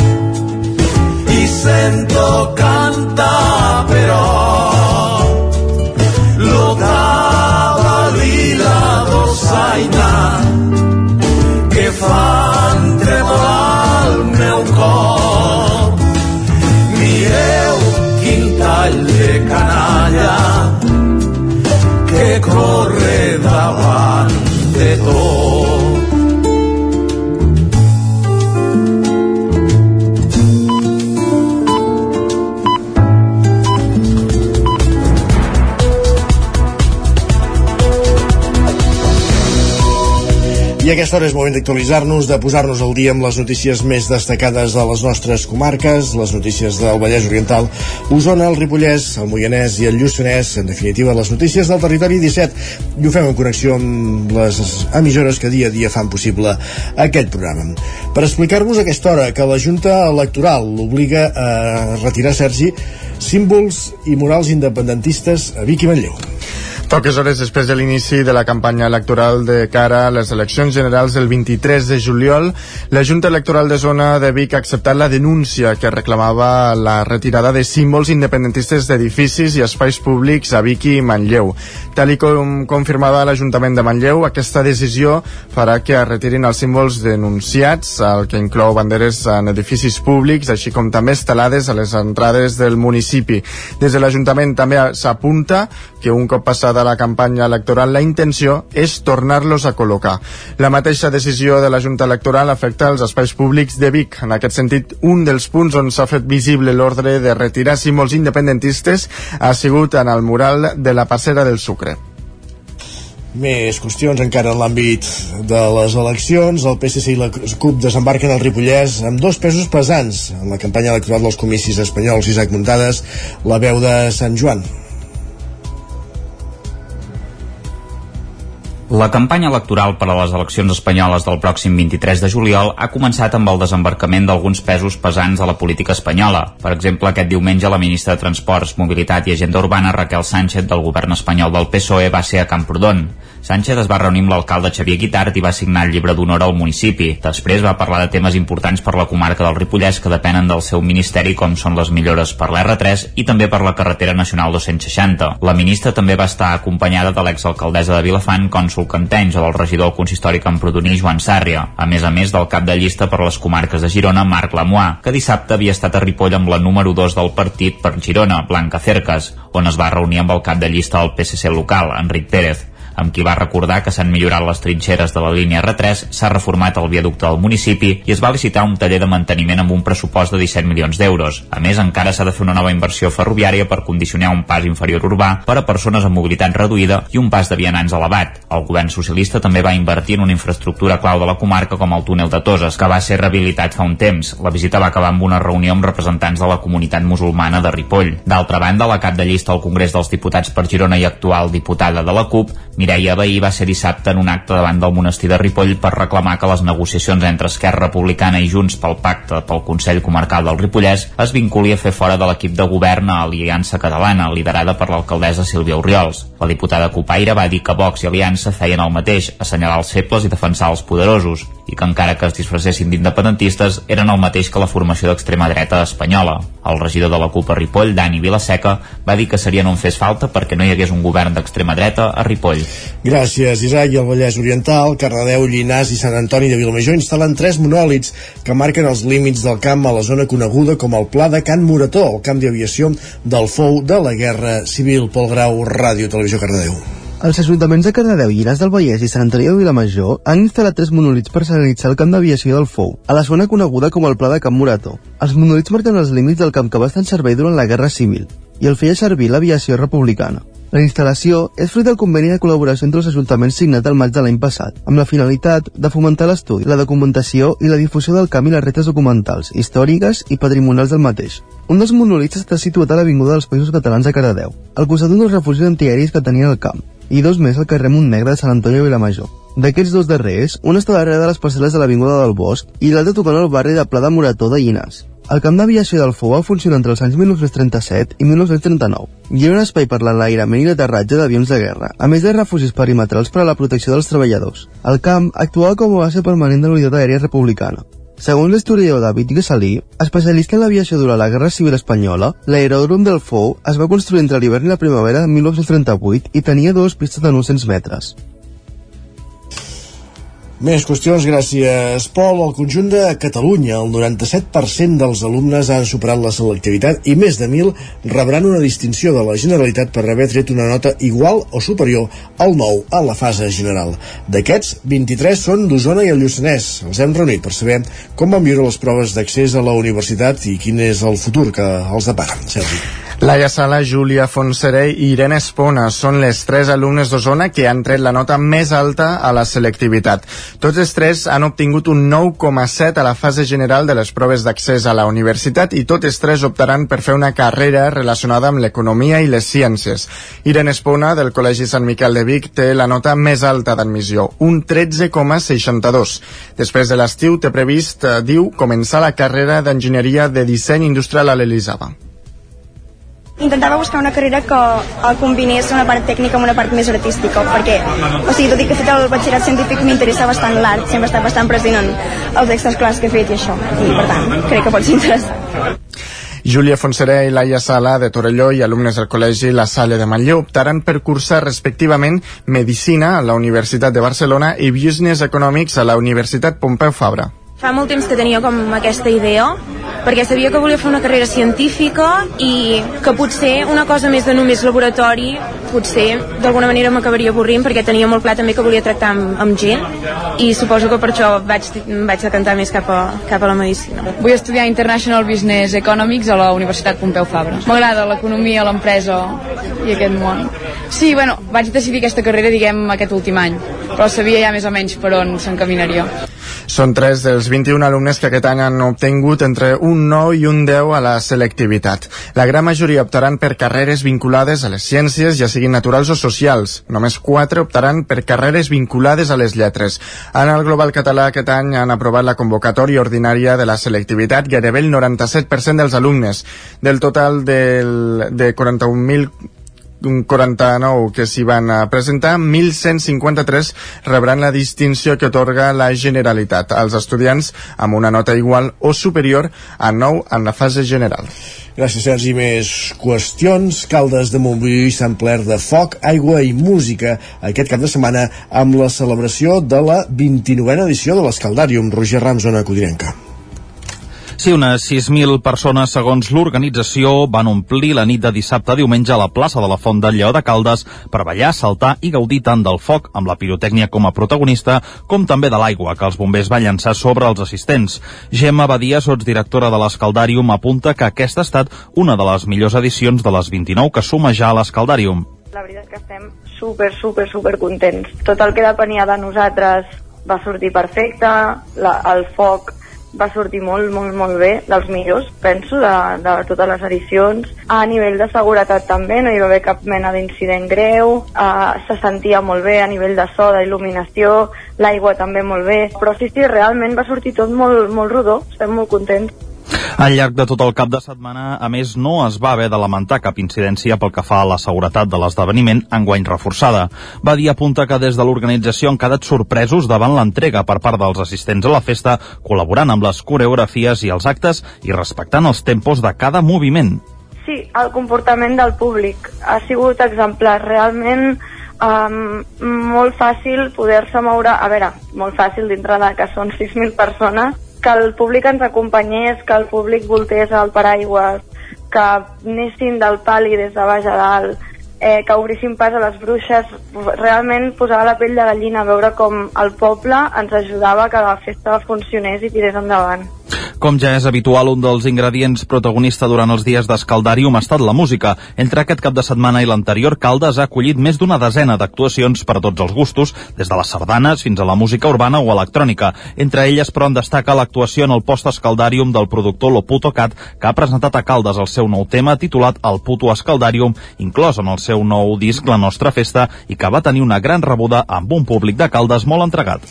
Gràcies, Roger. Més qüestions. Manlleu organitza un escape tour del Serpent pels carrers i parcs de la ciutat per fer arribar a la població la llegenda d'una manera diferent i fer-la viure durant tot l'any, Sergi. Una activitat que ha organitzat l'Ajuntament conjuntament amb l'empresa Ancesis La Bola i la coordinació del Museu del Ter. Es tracta de Mysterium Serpentis, un itinerari totalment gratuït que recorre els espais patrimonials, naturals i culturals de Manlleu que vol fer veure la llegenda de la bèstia d'una manera diferent. En parla la regidora de Cultura, Aida Montoya. Jo crec que el serpent és un tret de la identitat de Manlleu, un valor cultural de la nostra cultura popular i jo crec que tots els manlleuencs i les manlleuenques coneixen la llegenda, coneixen no, el serpent, sobretot la festa, que la tenim molt associada aquest 14 d'agost, però està bé que surti d'aquí, no? que tothom pugui acostar-se al serpent d'una manera diferent a través d'aquest escape tour. L'únic requisit necessari per completar el recorregut és un llibret que es pot treure de la web o anar-lo a buscar al Museu del Ter, on s'indica l'itinerari que passa per localitzacions destacades de la ciutat, com l'embarcador La Font de la Mare de Déu. En total són set parades en punts claus de la ciutat on hi ha col·locades fites per acabar trobant el diamant del serpent. Ho explica el tècnic de comunicació del museu, David Rebollo. Tu has de seguir aquest recorregut, d'acord? Que són set punts diferents que et fan passejar per al passeig del Ter, després carrer Enric de l'Aris, fins a arribar al casc antic i acabant doncs, a la plaça, i en cada punt tens un enigma a resoldre. Aquí tens l'enigma, has de posar la resposta i després el més important és que en diferents punts hi ha unes fites i en aquestes fites hi ha uns dibuixos que has de reproduir en aquests quadrets d'aquí repassant parts de la llegenda del serpent, com el seu hàbitat, la seva cançó o la fauna del riu Ter, els visitants fan gairebé dos quilòmetres de recorregut. I un apunt esportiu, perquè tal com apuntava durant l'entrevista que li van fer fa 15 dies aquí al Territori 17, Ignasi Puig continuarà com a president de la Unió Esportiva Vic en els propers 4 anys. Puig va agafar el relleu a la presidència Jacint Codina l'any l'any 2018 i havia descartat presentar-se a les eleccions que el Club Bigatà havia convocat eh, eleccions el passat mes de juny malgrat tot, com que no hi ha hagut cap candidatura, l'única solució viable que hi ha hagut ha estat la continuïtat de la Junta d'Ignasi Puig. Ara l'entitat esportiva afronta una propera temporada on el primer equip participarà a una competició nova, la Lliga d'Elit, entre la tercera federació i la primera catalana. Els bigatans seran l'únic equip de la comarca, la nova categoria categoria, però un dels canvis que més destaca al club és el retorn del futbol base. Després d'anys sense, la Junta considera que ha arribat el moment de recuperar-lo amb l'objectiu de mantenir els mètodes de treball de la Fundació Unió Esportiva Vic. Perfecte, gràcies Sergi, fins aquí aquest repàs informatiu que començàvem al punt de les 10 en companyia de Sergi Vives, Isaac Muntades, Roger Rams i Pol Grau, és moment al territori 17 de saludar de nou el nostre home del temps, en Pep Acosta.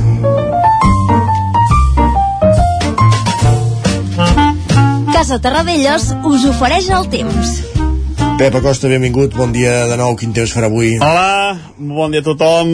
Tenim a sobre un pic de calor. Dos o tres dies amb moltíssima, moltíssima calor. No I per què? Doncs perquè hi ha una potentíssima pertorbació a les Illes Britàniques, una pertorbació molt important, i aquesta pertorbació, amb vents antihoraris, fa que, que, que, que a casa nostra hi hagi eh, vents procedents de, del Sàhara, de, de, de, de, de, del desert del Sàhara, d'Àfrica, i fa que la temperatura es dispari. També hi ha aquesta mala visibilitat, molta pols en suspensió, eh, baix els ingredients eh, típics i tòpics d'una metodologia durant la calor, de temperatures altes, eh, en definitiva, de molta, molta, molta calor, molta calor, molta calor. I avui tindrem tots aquests ingredients, eh, aquesta pols, aquestes temperatures mínimes que ja han sigut altes i les màximes que tornen a ser tan o més altes que les d'ahir. Uh, les dues comarques, uh, jo crec que avui encara no, però demà és possible que superem els 40 graus. Els avui estic segur que farem 37, 38, algun 39, i demà fins i tot superarem els 40. A la tarda creixerà una nuvolada, fruit, fruit fins i tot d'aquesta mateixa calor, uh, tanta calor uh, hi, ha, hi ha energia acumulada, i farà créixer alguna nuvolada. Nuvolada sense, sense conseqüències, no tindrà cap precipitació aquesta tarda, i els vents de sud, eh, algun cop moderat, eh, vents càlids, que són els responsables d'aquesta gran pujada de les temperatures. I això és tot, a disfrutar com es pugui d'aquesta onada de calor, eh, molta precaució, hi ha, hi ha avisos del Servei Meteorològic de Catalunya per onada de calor, eh, per tant, moltíssima precaució, eh, molta aigua, evitar fer esport eh, a les hores centrals del dia, uh, vaja, les recomanacions típiques d'aquesta situació de temperatures molt i molt altes. Moltes gràcies i fins demà. Adeu, bon doncs dia. us sentiu, tots cap a córrer a buscar refugis climàtics, ombres i el que faci falta per suportar aquesta calor que demà a les nostres comarques pot superar els 40 graus. Gràcies, Pep, parlem demà. Casa Tarradellas us ha ofert aquest espai. Territori 17. Envia'ns les teves notes de veu per WhatsApp al 646 079 023. 646 079 023. WhatsApp Territori 17.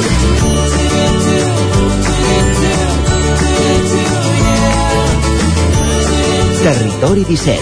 Som a Facebook, Twitter i Instagram amb l'usuari Territori 17. Passo un minut d'un quart d'onze del matí. I és moment de parlar d'esports, com fem cada dilluns aquí al Territori 17. A aquesta hora ja sabeu que en aquests últims programes de la temporada el que fem és parlar amb algun dels protagonistes de, de la temporada i avui és el que fa en Roger Rams des d'Ona Codinenca que conversa amb Xavi Barroso, jugador d'hoquei patins de Sant Feliu de Codines que ha passat per equips com el Caldes, el Barça, el Vendrell o els portuguesos Oliveriense i Porto i que aquests dies s'ha anunciat que torna al Barça. En Roger Rams, com dèiem, ha començat, conversat amb ell per fer balanç de la seva trajectòria i per parlar de la seva tornada a Catalunya. Roger, benvingut, bon dia. Avui a l'entrevista esportiva ens acompanya en Xavi Barroso, ell és jugador d'hoquei patins, actualment de fet fa pocs dies que ha retornat a un dels clubs que el va veure créixer, el Barça. Hola Xavi, què tal? Bon dia. Hola, bon dia, tot bé, moltes gràcies. Perfecte. Uh, avui volem parlar una mica de la teva reincorporació, el teu retorn aquí a, a Catalunya, al, al Barça, però també volem fer una mica de, de balanç de la teva carrera com a jugador d'hoquei. Primer de tot, eh, tu ets d'aquí, de, de Caldes, nascut pràcticament aquí a Caldes. Eh, comences a jugar aquí? Explica'ns una mica els teus inicis al món de l'hoquei. Bé, mira, jo començo a jugar a hoquei a Caldes de Montbui, el poble que, que m'ha vist créixer, tot i que ara sóc Sant Feliuenc. Uh, I res, començo perquè un, un vell conegut d'aquí de, de Sant Feliu, el Marc Fages, ara ja no juga, doncs les mares eren companyes de feina, un dia vaig anar a veure un entreno seu i, bueno, jo sóc molt pesat i li vaig insistir a la meva mare que volia patinar, volia patinar, volia patinar i amb, al final doncs no li va caber una altra, una altra solució que portar-me si volia parar de, de sentir-me. I m'hi va portar, vaig començar a Caldes amb... no tenia gaire dels 3 anys i res, i fins a dia d'avui. Vaig començar al Caldes, vaig anar després amb 13 anys cap al Barça, al Barça vaig fer gairebé tota la base, fins que vaig fer un any que feia júnior, Barça B i primer equip, i el següent any vaig anar al Vendrell cedit un any, ja com a, podríem dir ja com a professional, i després vaig anar, vaig tornar cap al Barça, on vaig estar 5 anys, i després vaig estar he anat 5 anys a, a Portugal, uh -huh. he estat jugant a l'Oliveirense i, i dos anys, tot i que va ser un any i mig perquè ens va agafar la pandèmia. Després em, bueno, vaig anar cap al Porto, on he estat 3 anys, i ara, doncs, des de fa uns dies se sap que torno cap al Barça. Uh -huh. Has fet ara una mica de, de repàs allò a mode accelerat de la, de la teva trajectòria, del, del, de les teves diferents etapes no? amb, amb els diversos equips eh, pels quals has passat Vull recuperar una mica a l'inici, estàvem a, a Caldes, no? De cop, a, a, amb 13 anys, marxes cap al, cap al Barça, cap a Barcelona, mm. i amb 19 debutes amb el primer equip. Imagino que això eh, era un somni per tu. Sí, bé, debuto abans amb el primer equip, ara aquests dies doncs, ha sortit informació meva i, bueno, en relació al, al, al nou fitxatge, deia que havia debutat amb 13 anys, altres mitjans deien que amb 19, jo, si no recordo malament, debuto amb 15 anys, un partit que abans, havia, abans que hi hagués el peron de playoff doncs també existia i era un partit doncs, que molts jugadors es van netejar targetes i van dir no tenim jugadors al primer equip, hem de portar nanos i vaig debutar amb 15 anys eh, amb el primer equip del Barça. Mhm. -huh. Que quedi clar, eh, aquest batibull de, de dades, jo no? Diria, jo diria, jo també la, el meu cap tampoc és d'emmagatzemar moltes dades, però diria que és així. Doncs segur que una font més, més fiable que tu en aquest cas no n'hi no ha, per tant, amb 15 anys debutes amb, amb el Barça. Després comentaves que te'n vas cap al Vendrell, no? Eh, també és, és un altre dels canvis, no?, en aquesta trajectòria. Sí, perquè aleshores eh, fer el salt directament al primer equip, jo tampoc ho volia perquè creia que amb 19 anys, si no m'equivoco malament, vaig cap al Vendrell, creia que amb aquesta edat havia de tenir minuts per, per rodar, i bé, decidim entre el Barça i jo, doncs marxar cap, a, cap al Vendrell, Uh, era un projecte molt nou, que només feia dos anys que estava a l'Hockey Lliga, però bueno, parlaven molt bé de l'entrenador, d'en Guillem Cabestany, i doncs va ser tot un encert marxar cap allà jo no sabia si tornaria el següent any o no al Barça, l'únic que vaig fer va ser gaudir molt d'aquell any, passar-m'ho molt bé, i els resultats doncs van acompanyar perquè vam fer un, un grup super, super sa, super ambiciós i mira, vaig poder sortir d'allà amb dos títols i a nivell personal amb una sensació immillorable que em va mm. permetre doncs, tornar al Barça. Mm. Tornes cap aquí, cap al Barça, però no és per massa temps perquè, com has apuntat abans, marxes cap a Portugal, on hi has estat 5 anys entre l'Oliveirense i el Porto. Uh, què és el millor que tens d'aquesta etapa que has viscut a Portugal? El millor que tinc és... Bueno, jo quan surto del Barça és... Clar, jo portava molts anys en dinàmica de Barça i clar, sembla que només hi hagi Barça, no? Doncs doncs no, doncs primer de tot veure que a part d'aquí també hi havia món a, a fora i jo també estava en una, en una etapa que necessitava un altre com minuts, necessitava tornar-me a creure jugador i el millor potser és això, que he marxat, he estat sol primer, bueno, sol no, he estat amb la meva dona que em va acompanyar uh mhm. -huh i, i res, ens ha anat molt bé tant en un com l'altre i a mi a nivell personal i com a jugador m'ha anat molt bé tornar-me a conèixer, tornar-me a trobar amb mi mateix, tant dins com fora la pista i crec que és això i després doncs no sé, el que el, el món de, de l'hoquei patins a Portugal és, és com molt gran, és com molt professional, com molt seguit per, mm. per la gent i clar, també t'endús aquestes coses, aquestes experiències que, que agraden molt. Això et volia preguntar perquè és, un, és una mica una frase tòpica no? que, que repeteix, que és que Portugal no? sí que sembla que s'ho creuen una mica més, o si més no, que està més professionalitzat no? aquest esport.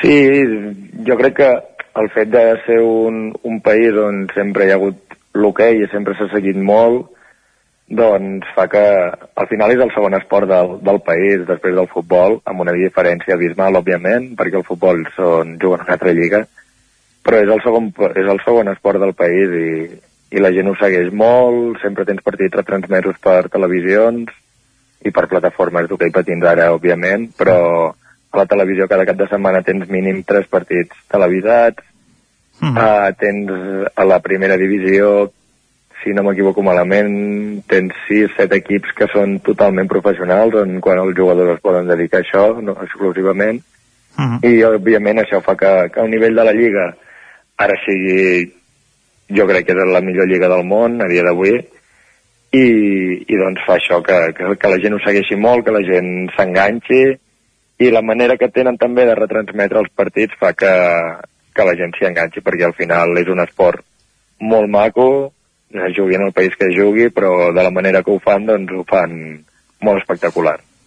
un dels vincles que sí que t'ha mantingut, diguem-ho així, a, a prop, o més a prop d'aquí, és també el fet de que eh, jugues a la selecció espanyola. Explica'ns una mica també com, com és aquesta experiència de jugar amb la selecció, amb la qual, per cert, ara mateix estàs concentrat.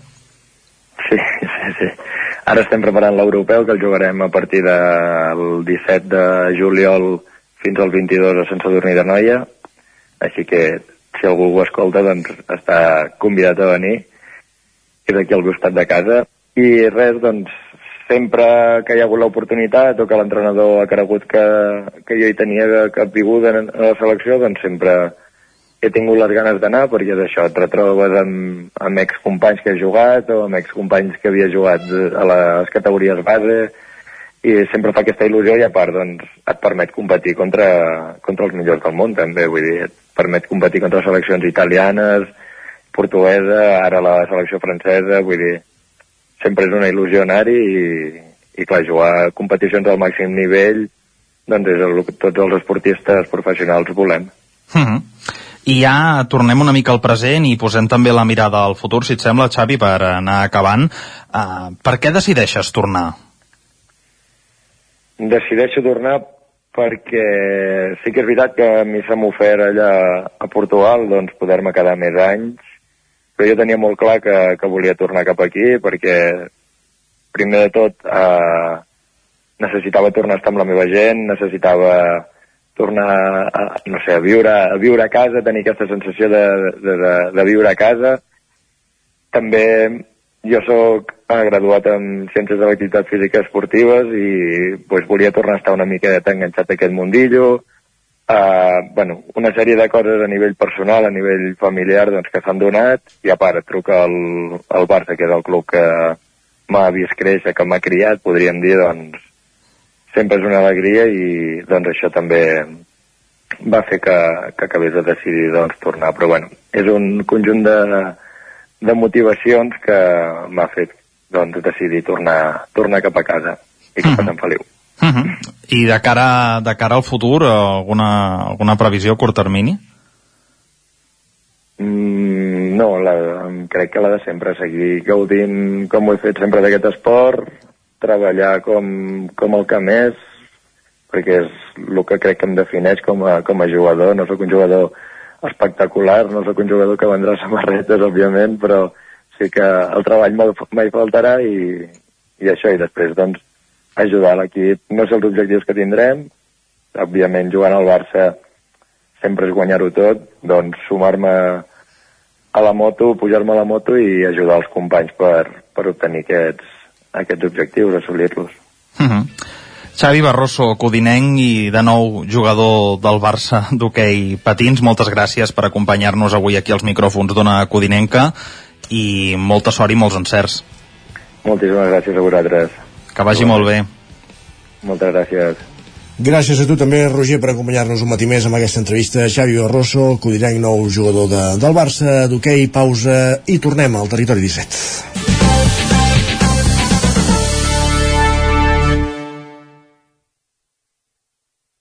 Nou FM, la ràdio de casa, al 92.8.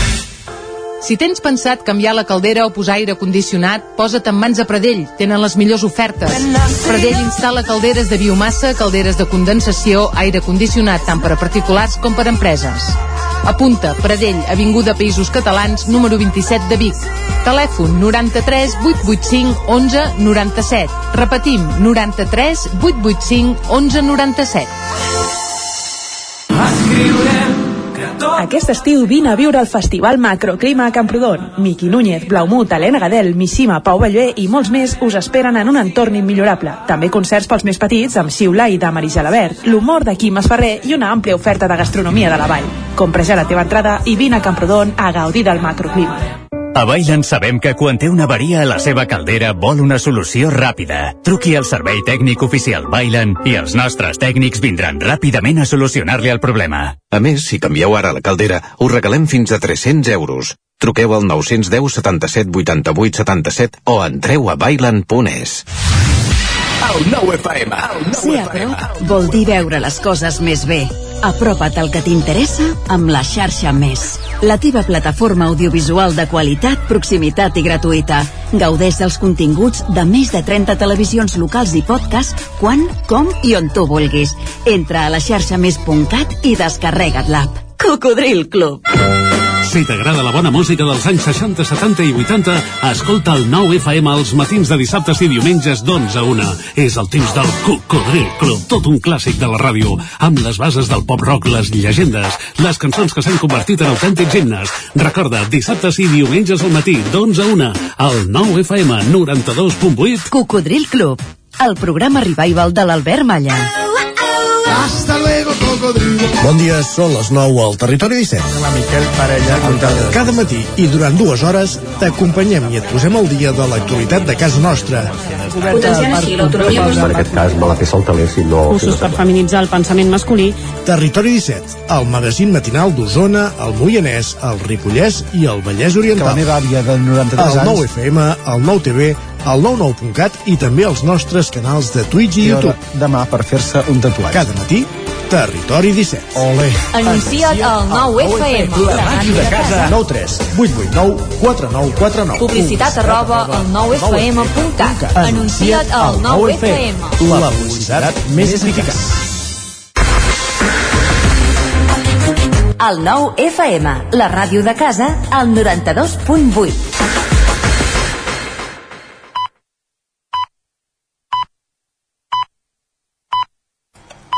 En punt dos quarts d'onze al territori 17.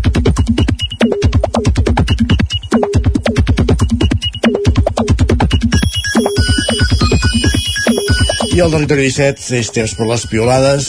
Recuperem de nou la veu d'en Guillem Sánchez. Benvingut, bon dia. Què tal, què tal? Bon dia, bon Has dia. tornat a vacances? D'unes- d'unes- d'una mini escapada, Ah, molt bé, això. Una mini escapada. Una prèvia, un preludi. Molt bé. Deixeu, no? Oh, i tant. Vale, vale, perfecte. doncs va, encarem ens segona dius? setmana de juliol i última de piolades, no, Isaac? Sí, senyor, i de territori 17. Per tant, anem acomiadant dia sí, dia també. Molt bé. Hem de fer-ho així, hem de fer-ho així. Va, doncs ens toca conviure, em sembla, entre avui i demà, Isaac, amb altes temperatures, oi? Pel que ens han dit fa una estoneta. Demà i dimecres també, sí. Doncs... 40, 40 i també a costa demà, eh? Tot i això, tot i aquestes temperatures, Isaac, hi ha hàbits que no canvien, com per exemple ens diu aquest usuari que ens comenta ja pot venir l'onada de calor més bèstia de la humanitat que jo necessito dutxar-me amb aigua tèbia tirant cap a calenta. Diu, surto de la dutxa suant, però sóc incapaç de fotre'm sota una dutxa d'aigua freda. Jo no hi ha cosa que m'alteri més que sortir suant de la dutxa, però vaja, en fi. Perquè tu ets més d'aigua calenta o freda? No, eh, jo sóc més aigua... Tampoc cremant, eh? Però, en fi, si cal freda aquests dies també. De fet, eh, ja s'ha generat el, el debat arran d'aquesta piulada i els usuaris que comenten el següent. Diu, comença amb l'aigua com sempre i mica en mica va sent la més freda. Diu, però mai freda freda, sinó freda tèbia. Que no sé, no sé aquest concepte a quina temperatura equival, però, resum, freda tèbia. I afegeixen també el següent, diu, de fet és millor perquè el teu cos no nota tant la diferència de temperatura en sortir de la, de la dutxa. Per tant, vinga, 40 graus a fora i, i, i 300 a l'aigua. Exacte. 300 a l'aigua. Va, i mireu què ens diu també aquest usuari perquè ho tingueu en compte, Isaac. Va, diu, fa tanta calor que fins i tot els insectes necessiten beure aigua. Els que tingueu terrassa al jardí, no oblideu a posar-hi un bol o un llibrellet ple d'aigua. Els ocells podran beure i alhora banyar-se una mica. Doncs no sé si en tens algun de posat amb alguna terrassa, amb alguna No, finestra. soc, soc dels que no deixa precisament aquelles d'aigua al terrat per, per evitar la presència del mosquit tigre. Ah, entre que és l'altra aquesta. Entre d'altres També espècies. hi havia alguna resposta en aquest sentit i crec que la solució han dit és canviar l'aigua cada, cada dia. Ah, d'acord. Per tant, solució fàcil, no? Queda dit. Doncs va, que fa calor és una realitat com també que està acabat la festa major de, de Vic, ah. tot i que per xarxes hi havia gent que demanava el següent ahir al vespre, diu a quina hora és el Castell de Focs? Era el vespre, era ahir, no? Sí, no? Sí. És que hi va haver gent, em sembla que potser es va quedar amb ganes d'alguna mica més. Ah, no sé. Mira que, llegit o... mira que s'ha allargat dies la festa major, eh? Masses o no? Uns quants? No, s'ha allargat dies, no, no entrarem a jutjar si en són molts o pocs. Crec que per gent com en Dani, per això, la festa ha estat bastant un èxit. Ens escriu el següent, Isaac, mira. Ja. Festa major de Vic finalitzada. Diu, balanç positiu. Esguins de genoll dret. Despeses assumibles. Zero unitats de roba inutilitzables per pintura o cremades. Mòbil en bones condicions i ulleres noves. Aquest, és, el, aquest és el balanç. Balanç positiu, no? Sí, sí, tant. Tot sembla fantàstic. Doncs en Roger també ens puntualitza el següent i ens diu finalitzada la festa major de Vic, una forta abraçada per als qui no la gaudiu i penseu que és avorrida. Diu salut i fins l'any que ve. Fins l'any que ve. És avorrida o no? Jo és que no l'he pogut viure aquesta setmana, no sé si tu l'has pogut viure, Isaac. El, la justa mesura. En justa mesura. I, i correcte, a nivell correcte? Diguéssim que ha anat millorant respecte a anys enrere. Va, perfecte. Va, qui també estava de festa aquests dies era l'Eric, que ens comentava... Clar, estàs parlant amb algú que ve de, de la capital de les festes majors, per tant, Bueno. tot el que no sigui Torelló, la, Bueno, la ja resta l'hem són, aprenents. I, ja l'hem ja l'hem liada. Va, qui també estava de festa aquests dies era l'Eric, que ens escrivia això. Diu, aniversari dels 30 anys d'un col·lega. Diu, masia de pagès, onada de calor, piscina sobre la taula, tas de diversos vins i sopar a la fresca. Diu, no hi ha millor manera de celebrar els anys amb els teus, amb qui has crescut i saps que sempre hi seran. Què penses que és el primer que li han respost en aquest missatge, Isaac? No sé, espero ja. En Martí que li diu, de les 25 cerveses que portes a sobre no en dius res, oi? Apa aquí. Apa aquí. De fet, s'ha d'anar en compte, eh, ara aquests dies, amb caloreta, eh, cerveseta, piscina, aigua i el que, i el, que Altera- faci altera falta. moltes coses, sí. I tant. Uh, de fet, hi ha algun usuari que ens diu el meu or- organisme, veient com només ingereixo cervesa i cafè amb gel. Ets de cafè amb gel, Isaac, o no? Jo també, sí. Sí? Sí, sí. Jo és que no, no ho entenc, perquè és una beguda que s'ha de preparar calenta Sí. i llavors la refredes, no... Sí, imagina les infusions. Imagina't, imagina't això. Va, per acabar la, sec... per acabar la secció ens posarem una mica transcendents, Isaac. La Susana ens diu el següent, diu La vida és tan estranya que tinc moltes preguntes. Diu, el meu fill de 7 anys abans d'anar a dormir. Li responen el següent. Diu, pobret, no li diguis que aquesta sensació dura fins a 40 anys després i més. I la conversa s'acaba de la següent manera. Diu, de moment li he dit que no li podia respondre tot ara, que havia d'anar a dormir. Demà més. Demà més. Doncs, Doncs demà ens tornarem a sentir, a veure si A veure, segon, segon capítol. més. Gràcies, Guillem. Vagi molt bé, Isaac. Adéu. Nosaltres que avancem al territori 17 i tot seguit, després de les privades com cada dilluns, serà temps de tertúlia esportiva.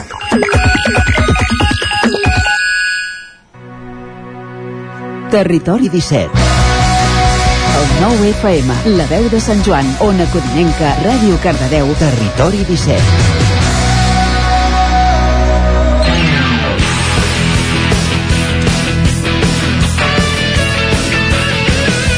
Cinc minuts i mig que passen de dos quarts d'onze del matí, tertúlia esportiva al territori 17, en companyia d'Agustí Danés, Isaac Muntades, Pol Grau, benvinguts tots tres. Hola, bon dia. Ara en direu falta un, on és el Lluís de Planell? Ara el truquem, no patiu, que és el cotxe, eh, però ja ens ha avisat que potser no arribava a l'hora i, ja, i, l'hem de, i el truquem de, en, en breu, en breus moments. Eh, tenim diversos ítems per parlar d'aquesta última tertúlia esportiva de, de la temporada. Eh, ahir, per cert, eh, moria Luis Suárez, una llegenda de, del Barça. Els, els, els nascuts més tard els recordem a, a les banquetes, però clar, abans havien fet filigranes amb la, amb la pilota. Va ser el primer jugador del Barça en guanyar la, la pilota d'or. Eh, tothom recorda avui aquest fitxatge eh, per l'Inter de Milà que va ser el més car de, del moment i una figura de, de l'esport doncs, que, que traspassa Sí, a mi m'agafa una mica lluny, eh, també, i amb en, i els Sí, sí, de fet, els aquí. sí, companys encara més, vull dir, potser això en, en Lluís de Planell sí que, que en podria tenir més record. Jo, jo la, una mica la, la idea que tinc del que, del que expliquen és que, que poder és més jugador de l'Inter que del Barça, no? Vull dir, tot i que jo sempre l'associo, vaja, a l'Inter potser per això, perquè hi va haver aquest, aquest traspàs en, en aquell moment, i també indica una mica el, els temps, no? Vull dir que avui, de, des d'aquest punt de vista, tot i que va, va passar amb Neymar, però era una cosa una mica diferent, és, sembla com inconcebible que, aquests, que els grans clubs, no? que el Madrid, que el Barça, que aquests grans clubs que tinguin una estrella mundial i que construeixen l'equip al voltant d'aquesta estrella i que hi hagi un adversari, no? o és igual, un altre equip d'un altre país en aquest cas, que vingui i que s'emporti aquesta estrella. Això sembla que no passin els clubs grans, no? I en canvi, en aquell moment, doncs, en, amb el Barça va passar la qual cosa també deu ser un indicador de la debilitat que, que devia tenir el club en, en aquell moment, perquè posteriorment és molt difícil que passi això. I dic, el cas de Neymar sí que va passar, però va ser via clàusula, no? Vull dir que en realitat poder en aquell moment, en el cas de Neymar, va ser un error de càlcul de, del Barça que va posar una xifra pensant que era prohibitiva i va resultar que pel PSG no ho era de prohibitiva, no? Però vull dir que aquests casos crec que avui no es donen i que forma part, no es donen o que són un indicador de la, de la potència dels, dels clubs i dels equips i que aquest fet que Luis Suárez uh, sent una estrella doncs, que marxés a l'Inter, fos trapsat a l'Inter, segurament indica que el Barça en aquell moment doncs, uh, bueno, que era poca cosa en aquell moment no? Va, I va marxar just abans de la disputa d'una final de Champions, m'ha semblat, de Copa d'Europa, m'ha semblat sentir que mentir, déu nhi Ara sí que ja tenim el Lluís de Planell al telèfon. Lluís, ara dèiem que potser tu recordes més la figura de Luis Suárez com a jugador. No, la veritat és que molt, molt poc, eh? Al- Alguna imatge en tinc, però no, ja, ja s'ho quedat, però tant no, eh? eh el que sí recordo és que la poca eh, diguem, la, la poca simpatia que tenia cap, eh? perquè és un jugador palet i mm, bueno, sobretot quan va marxar eh, doncs eh, pràcticament eh, tots els, els culers el, el, el, el vau menysprear i quan en realitat ja dic que en cap moment va, va ser un jugador mm, que li van reconèixer diguem els mèrits que tenia perquè era, era un extraordinari futbolista però no, a Can Barça passen coses estranys també. Ja passaven els anys 60 als anys 60 sí, passaven moltes de coses estranyes, no, no al Barça jo diria que en aquest país passaven moltes coses estranyes. Al Barça precisament. Home, hi havia una dictadura, no? per això, per això, No, no, però... per això ho dic. No vull dir que no és que però passin coses estranyes em passaven moltes de coses. No sé si si equivoco el en tot- focus. En tot cas, No, no, el però- tema de... Digues, digues, Lluís. el, el, el Barça va, va fitxar Suárez de, de, de, de, del Depor mm, semblava que era una figura del futbol com després es va demostrar però en el camp del Barça no sé, no sé per què però no, no, no va collar i la prova la tenim en els anys posteriors quan ja va deixar de ser eh, futbolista professional que en Suárez eh, en cap moment eh, va aparèixer pel camp del Barça ni els mitjans de comunicació de, del Barça li dedicaven l'atenció que em penso que es mereix una persona del seu nivell futbolístic. jo, jo ho deia abans, que a mi, a mi que no, que no l'he no vist i no tinc record d'això, jo l'associo amb, amb, l'Inter, no l'associo amb el Barça, no? Vull dir que deu ser una mica pel, pel que comentes tu, Lluís, no sé, jo no, tot i saber doncs, que hi havia jugat, que hi va haver aquest traspàs i tal, però, però jo l'associo amb, amb l'Inter, amb una figura de, del Calcio i de l'Inter. A, a part de que era un futbolista diferent. Era un futbolista, diguem, més eh, que d'aquells que li agradava tocar la pilota, era, era molt més tècnic que la majoria dels que hi havia llavors. El, el futbol en aquella època era més físic que, que, que tècnic i llavors eh, això també sorprenia. I sorprenia amb, amb bo i amb dolent, diguem, eh? Però jo em penso que aquest home va ser una, una figura del futbol eh, mundial poc reconeguda eh, això, eh, a segons quins nivells. Tan, tan figura que realment és l'única l'únic espanyol que ha guanyat la, la pilota d'or nascut a Espanya. Uh, vull dir que realment perquè em sembla que uh, no sé si Di Stefano en té el, alguna després que se li va donar uh, recordem que estava nacionalitzat i, i llavors doncs va guanyar l'Eurocopa de l'any 64 em sembla que ja estava a l'Inter al 64 perquè va marxar si no recordo malament l'any 60 uh, el Barça realment dèieu que sí que el recordeu molt per l'Inter i és veritat perquè amb l'Inter va guanyar dues Copes d'Europa però amb el, amb el Barça hi va estar 7 anys em sembla des dels 18 fins als 25 i, i realment la seva marxa va ser un trauma. Jo crec que és el si, si hi ha errors històrics a la història del Barça segurament aquest és el més gran que, que se li coneix perquè va deixar marxar un jugador en plenitud eh, basant-se en una mentida perquè si jo, jo he mirat una mica aquests dies i, i resulta que en aquell moment en el Barça hi havia Kubala. I, i els mitjans de l'època no, no els interessava segurament. Bueno, havien de vendre que, que el club eh, econòmicament estava malament i s'havia de deixar marxar una, una figura. En aquest cas eh, la figura que s'havia de marxar era, era Suárez, que llavors tenia 25 anys. Kubala en tenia 33, per tant era un jugador gairebé, podríem dir, a les acaballes de la seva carrera, sobretot en aquella època quan passaves dels 30 ja, ja, ja anaves cap avall i, i tot es va basar en una mentida perquè la premsa s'inventava que no tenien bona relació ells dos quan en realitat em sembla que eren els millors amics del vestidor i Kubala va ser qui va recomanar eh, a l'entrenador d'aquella època, bueno, el president em sembla, que, que, que el portés en el club. Vull dir que bé, eh, ja veiem el que va passar amb l'Inter va guanyar doncs, dos copes d'Europa. S'anuncia el traspàs just abans de la final famosa de, del Benfica que el Barça, que em sembla que va ser el millor jugador i el, i el Barça la va perdre doncs per aquelles, per aquells uh, pals, per un gol anul·lat, no? Bueno, hi va haver una mica de tot en aquella final. Pels quadrats. I, Sí, els pals quadrats, i no va aixecar cap fins al cap de 14 anys. Em sembla que no va guanyar una lliga fins al cap de 14 anys. Tot per vendre que necessitaven ajuda econòmica i, i en aquella època es van pagar 25 milions de pessetes per en, per en Suárez, que, bueno, que, que tampoc va solucionar la papereta perquè em sembla que es van gastar tots aquests diners amb una quinzena de jugadors i, i evidentment cap eh, recordat per, el, per la història del Barça perquè no van aportar absolutament res Tornem al present, eh, Pol, ja que et tenim aquí. Oriol Romeu, què? Deixarà el Girona o no? Uh, espero que no. Però, clar, ja... No depèn de tu, que diguéssim, el... oi? Els ha fallat el fitxatge que, el, que s'ha anat al Nasiri, no? Al final, no sé com es diu ara, el Boz, Boz no sé què.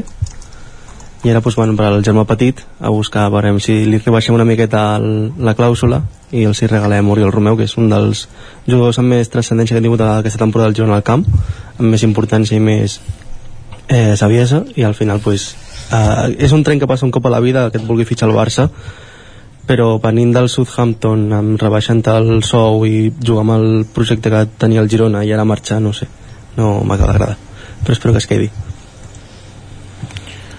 Bueno, és lògic, no?, que, que no li agradi a, a en Pol. El que passa és un tipus de jugador, jo crec que, que en Xavi això ho farà bé, que és aquesta aquesta, o sigui, a banda de la capacitat tècnica i de, i de saviesa del futbol que puguin tenir els entrenadors, jo crec que en, en aquest nivell i en un club com el Barça que hi hagi una connexió d'acabar d'entendre el, el que és el Barça i que per tant tu sí que has d'acabar fent una selecció internacional que és el que són tots els grans clubs no? però que hi hagi alguns elements eh, que et connectin amb la teva realitat jo diria que això és, no només és important sinó que és intel·ligent vull dir que no acabi sent només que ho és, una selecció de, de, de, de països de tot el món, però que hi hagi una espina dorsal, perquè en els grans moments això hi és, passava amb en, amb en, amb en Valdés, amb en Puyol, amb el mateix Xavi, amb en Busquets, no?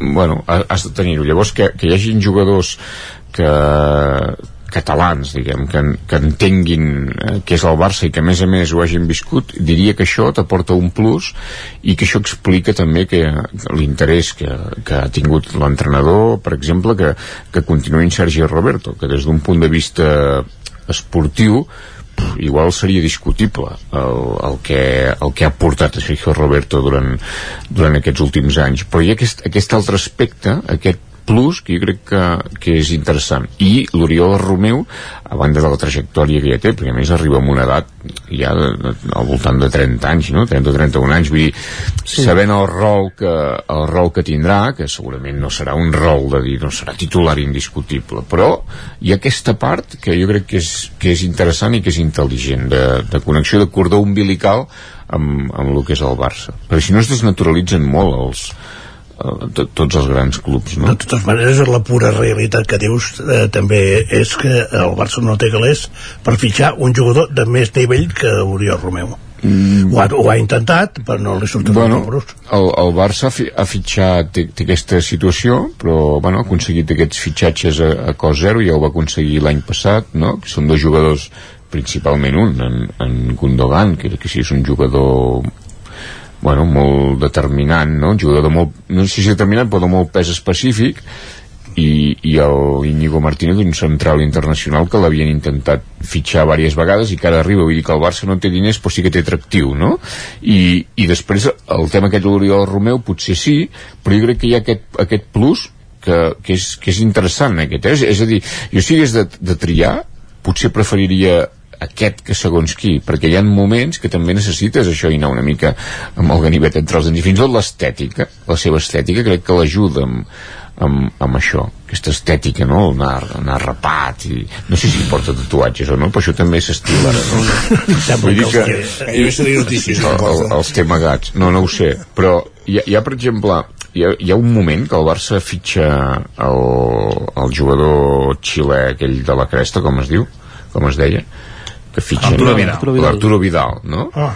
Bueno, l'Arturo Vidal què va portar? Poqueta cosa. Poqueta cosa. Doncs, si en comptes de fitxar l'Arturo Vidal, jo, diguem, entre l'Arturo Vidal i, en, i l'Oriol Romeu prefereixo l'Oriol El Romeu que passa que ha de fer la funció d'en Busquets, eh? Que no és la que fa el Girona. no, n'hi ha, ha altres jugadors que poden fer la funció d'en Busquets jo crec, hi haurà altres jugadors Jo el que, el que diuen els, el, la premsa culer és això, que falta un Busquets.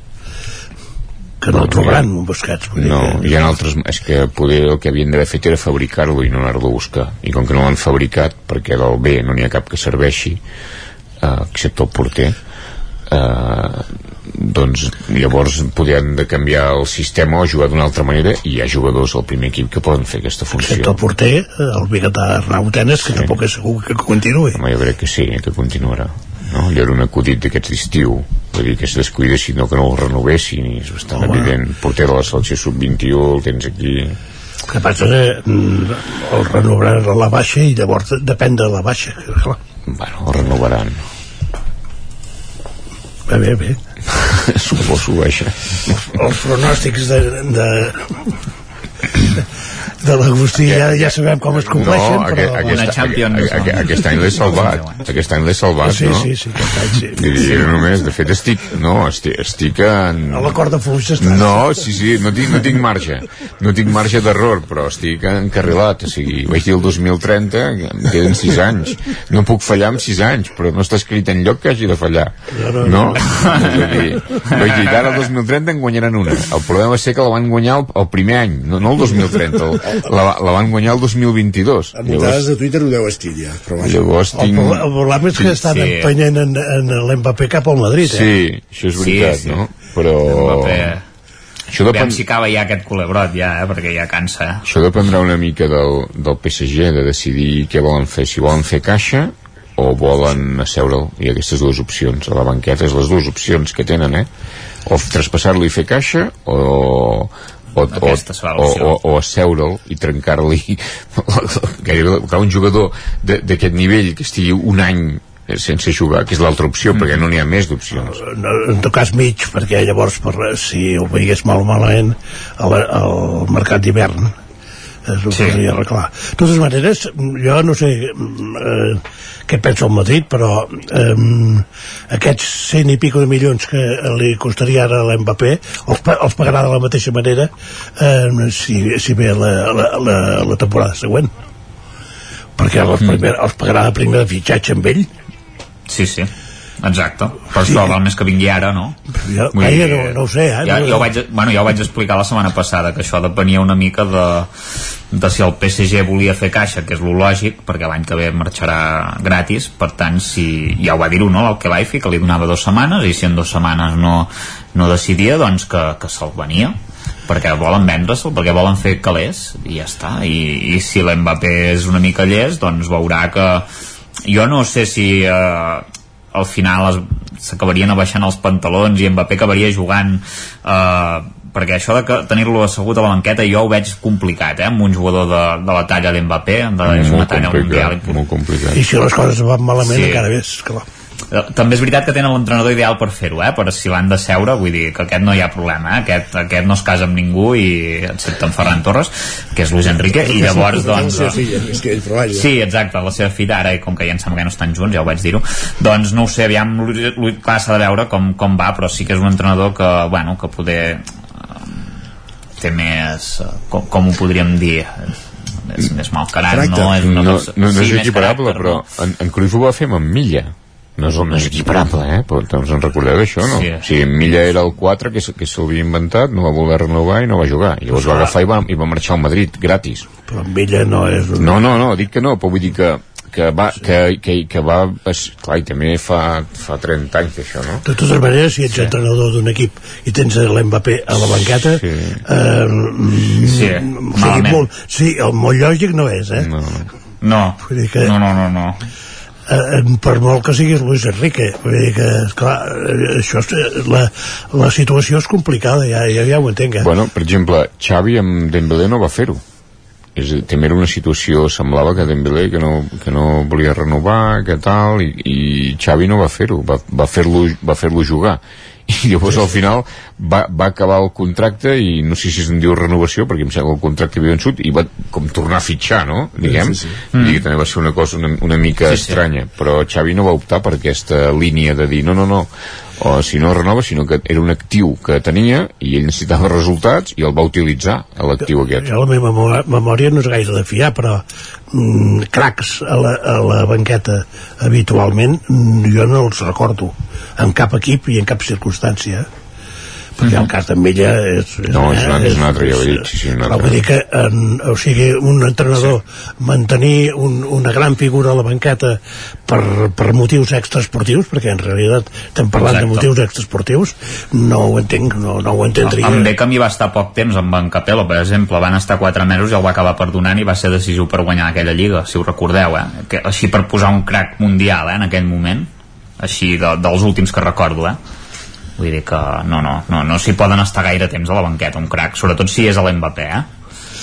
No, i, i sobretot de, depèn de com vagi l'equip perquè no, el Paris Saint-Germain tampoc tindrà Messi que no Mhm. va fer una, unes dues campanyes gaire, eh, gaire reeixides però, però, però bé, hi era i el Neymar no sé que si, si serà o no serà eh, em refereixo si estarà recuperat de la lesió o, o encara no. Vull dir que eh, lla- llavors mm, són molts els, el, els canvis que, que haurà fet el, el París en aquest, en aquest, aspecte i per tant es pot notar. Es pot notar en el rendiment de l'equip.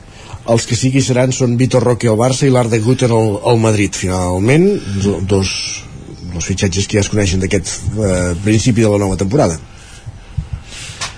Sí. jo bueno. de, us haig de, de, reconèixer de que no en sabia cap dels dos jo tampoc Que, bueno, gran, gran jugador, no, l'Arda Güler, perquè el que volia el Barça entenc, entenc que deu ser un gran jugador, no? A, a, a, no teniu l'excusa de que no, no és un gran jugador, perquè el volíeu vosaltres, el va acabar fitxant al Madrid, hi havia gent que deia, ja deia que estava fitxat pel Barça, grans futuròlegs, no?, que els podríem fitxar perquè ens, eh, en- ens, ens encertessin la pròxima primitiva, però, però bé, en aquest cas Arda Güler I no, jugarà... no em presumiràs d'encertar lo de, lo de l'Mbappé pel Madrid perquè fa 5 anys que ho pronostiques, Isaac. Algun, algun dia vindrà Mbappé al. Madrid. Però, però en tot cas l'Arda Güler jo tampoc el coneixia eh, realment. He mirat algun vídeo i realment bueno, és, és bon jugador. No, no ho negarem però clar té 18 anys no ho sé pot sortir bé o pot sortir fiasco ho haurem de veure, no ho sé. També veurem no el cediran aquest primer any pel que van dir el va dir ell, que en principi no tenia intenció de marxar cedit, vull dir que s'haurà de guanyar un lloc. Hi ha molts migcampistes al, al mig del camp del Madrid per poques posicions per quatre fins i tot s'està parlant ja de cinc posicions, bueno, no sé ho tindrà difícil per jugar però mai se sap, no?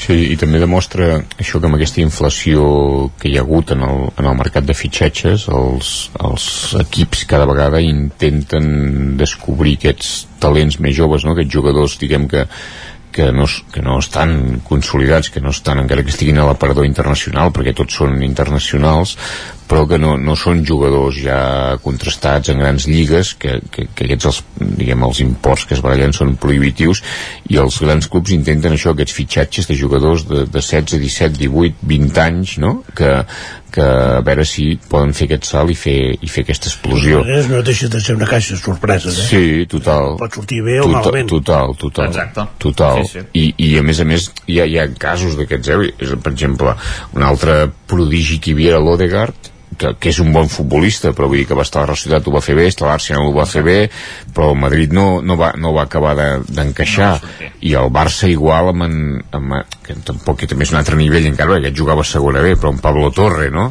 Va semblar de dir, bueno, en Pedri va sortir bé ara, ara replicarem això. Bueno, això és molt difícil. Però vull dir que, no, no ho dic com a crítica jo crec que això està bé, fer, fer apostes de- d'aquestes i que o aquest jugador, jo crec aquest brasiler de, del, del Barça que diuen que vindrà l'altra temporada eh, l'any 24 uh, jo crec que té bona pinta aquest bona pinta, clar, ha jugat a, juga al Brasil, però un jugador d'aquest un, un, fa pensar molt en el Luis Suárez, diguem, el difunt no, eh? El, el, el, el, el, el davanter, l'uruguaià, exacte, el davanter centre. Bueno, un jugador d'aquest, un davanter centre, que juga amb el cos, eh, que és valent, que juga d'esquena, que té rematada, bueno, a mi té bona pinta aquest jugador, ara llavors és això no? 18 anys al Brasil bueno, quan surti aquí el poses en un ecosistema com el del Barça, però jugant amb extrems si el Barça aconsegueix jugar amb extrems que vol jugar amb extrems, jo és un perfil i tenint en compte l'edat d'en Lewandowski crec que és, un, que és una bona opció aquesta, però fixa't també el Barça fa un, una inversió, no sé de quan, eh, de 30-35 milions d'euros i 30 més en variables, no? Que al final és això, que dius tu, una caixa sorpresa, vull dir, si surt bé, acabaràs pagant, però si no, bueno, 30 milions són molts diners, eh? Però em refereixo que no són aquests imports de, de 100, 110, 120 que es havien pagat i que el Barça ja no pot pagar-ho, i que el Madrid, no ho sé, potser sí. No, i el Barça té l'exemple del Vinícius al Madrid, que li ha funcionat, que també eh, el cost de, de, de fitxatge de, devia ser molt baix. Un Rodrigo, sí, i, són exacte, són, són, aquestes són apostes. El que passa que, és clar, això surt bé en, quan surt bé, però eh, si no, eh, d'aquests n'hem vist eh, passar molts, eh? Senyors, ho hem de deixar aquí. Isaac, podria parlar del Tour, però no tindrem temps. Eh, no. Tornem a partir del setembre. Bon estiu a tots. Gràcies per ser-hi una setmana més. Bon Gràcies, bon dia. I acabem també el territori 17 i tornem demà a partir de les 9. Fins aleshores, bon dilluns, adeu-siau. 9 FM. La veu de Sant Joan Ona Codinenca. i Ràdio Cardedeu amb el suport de la xarxa.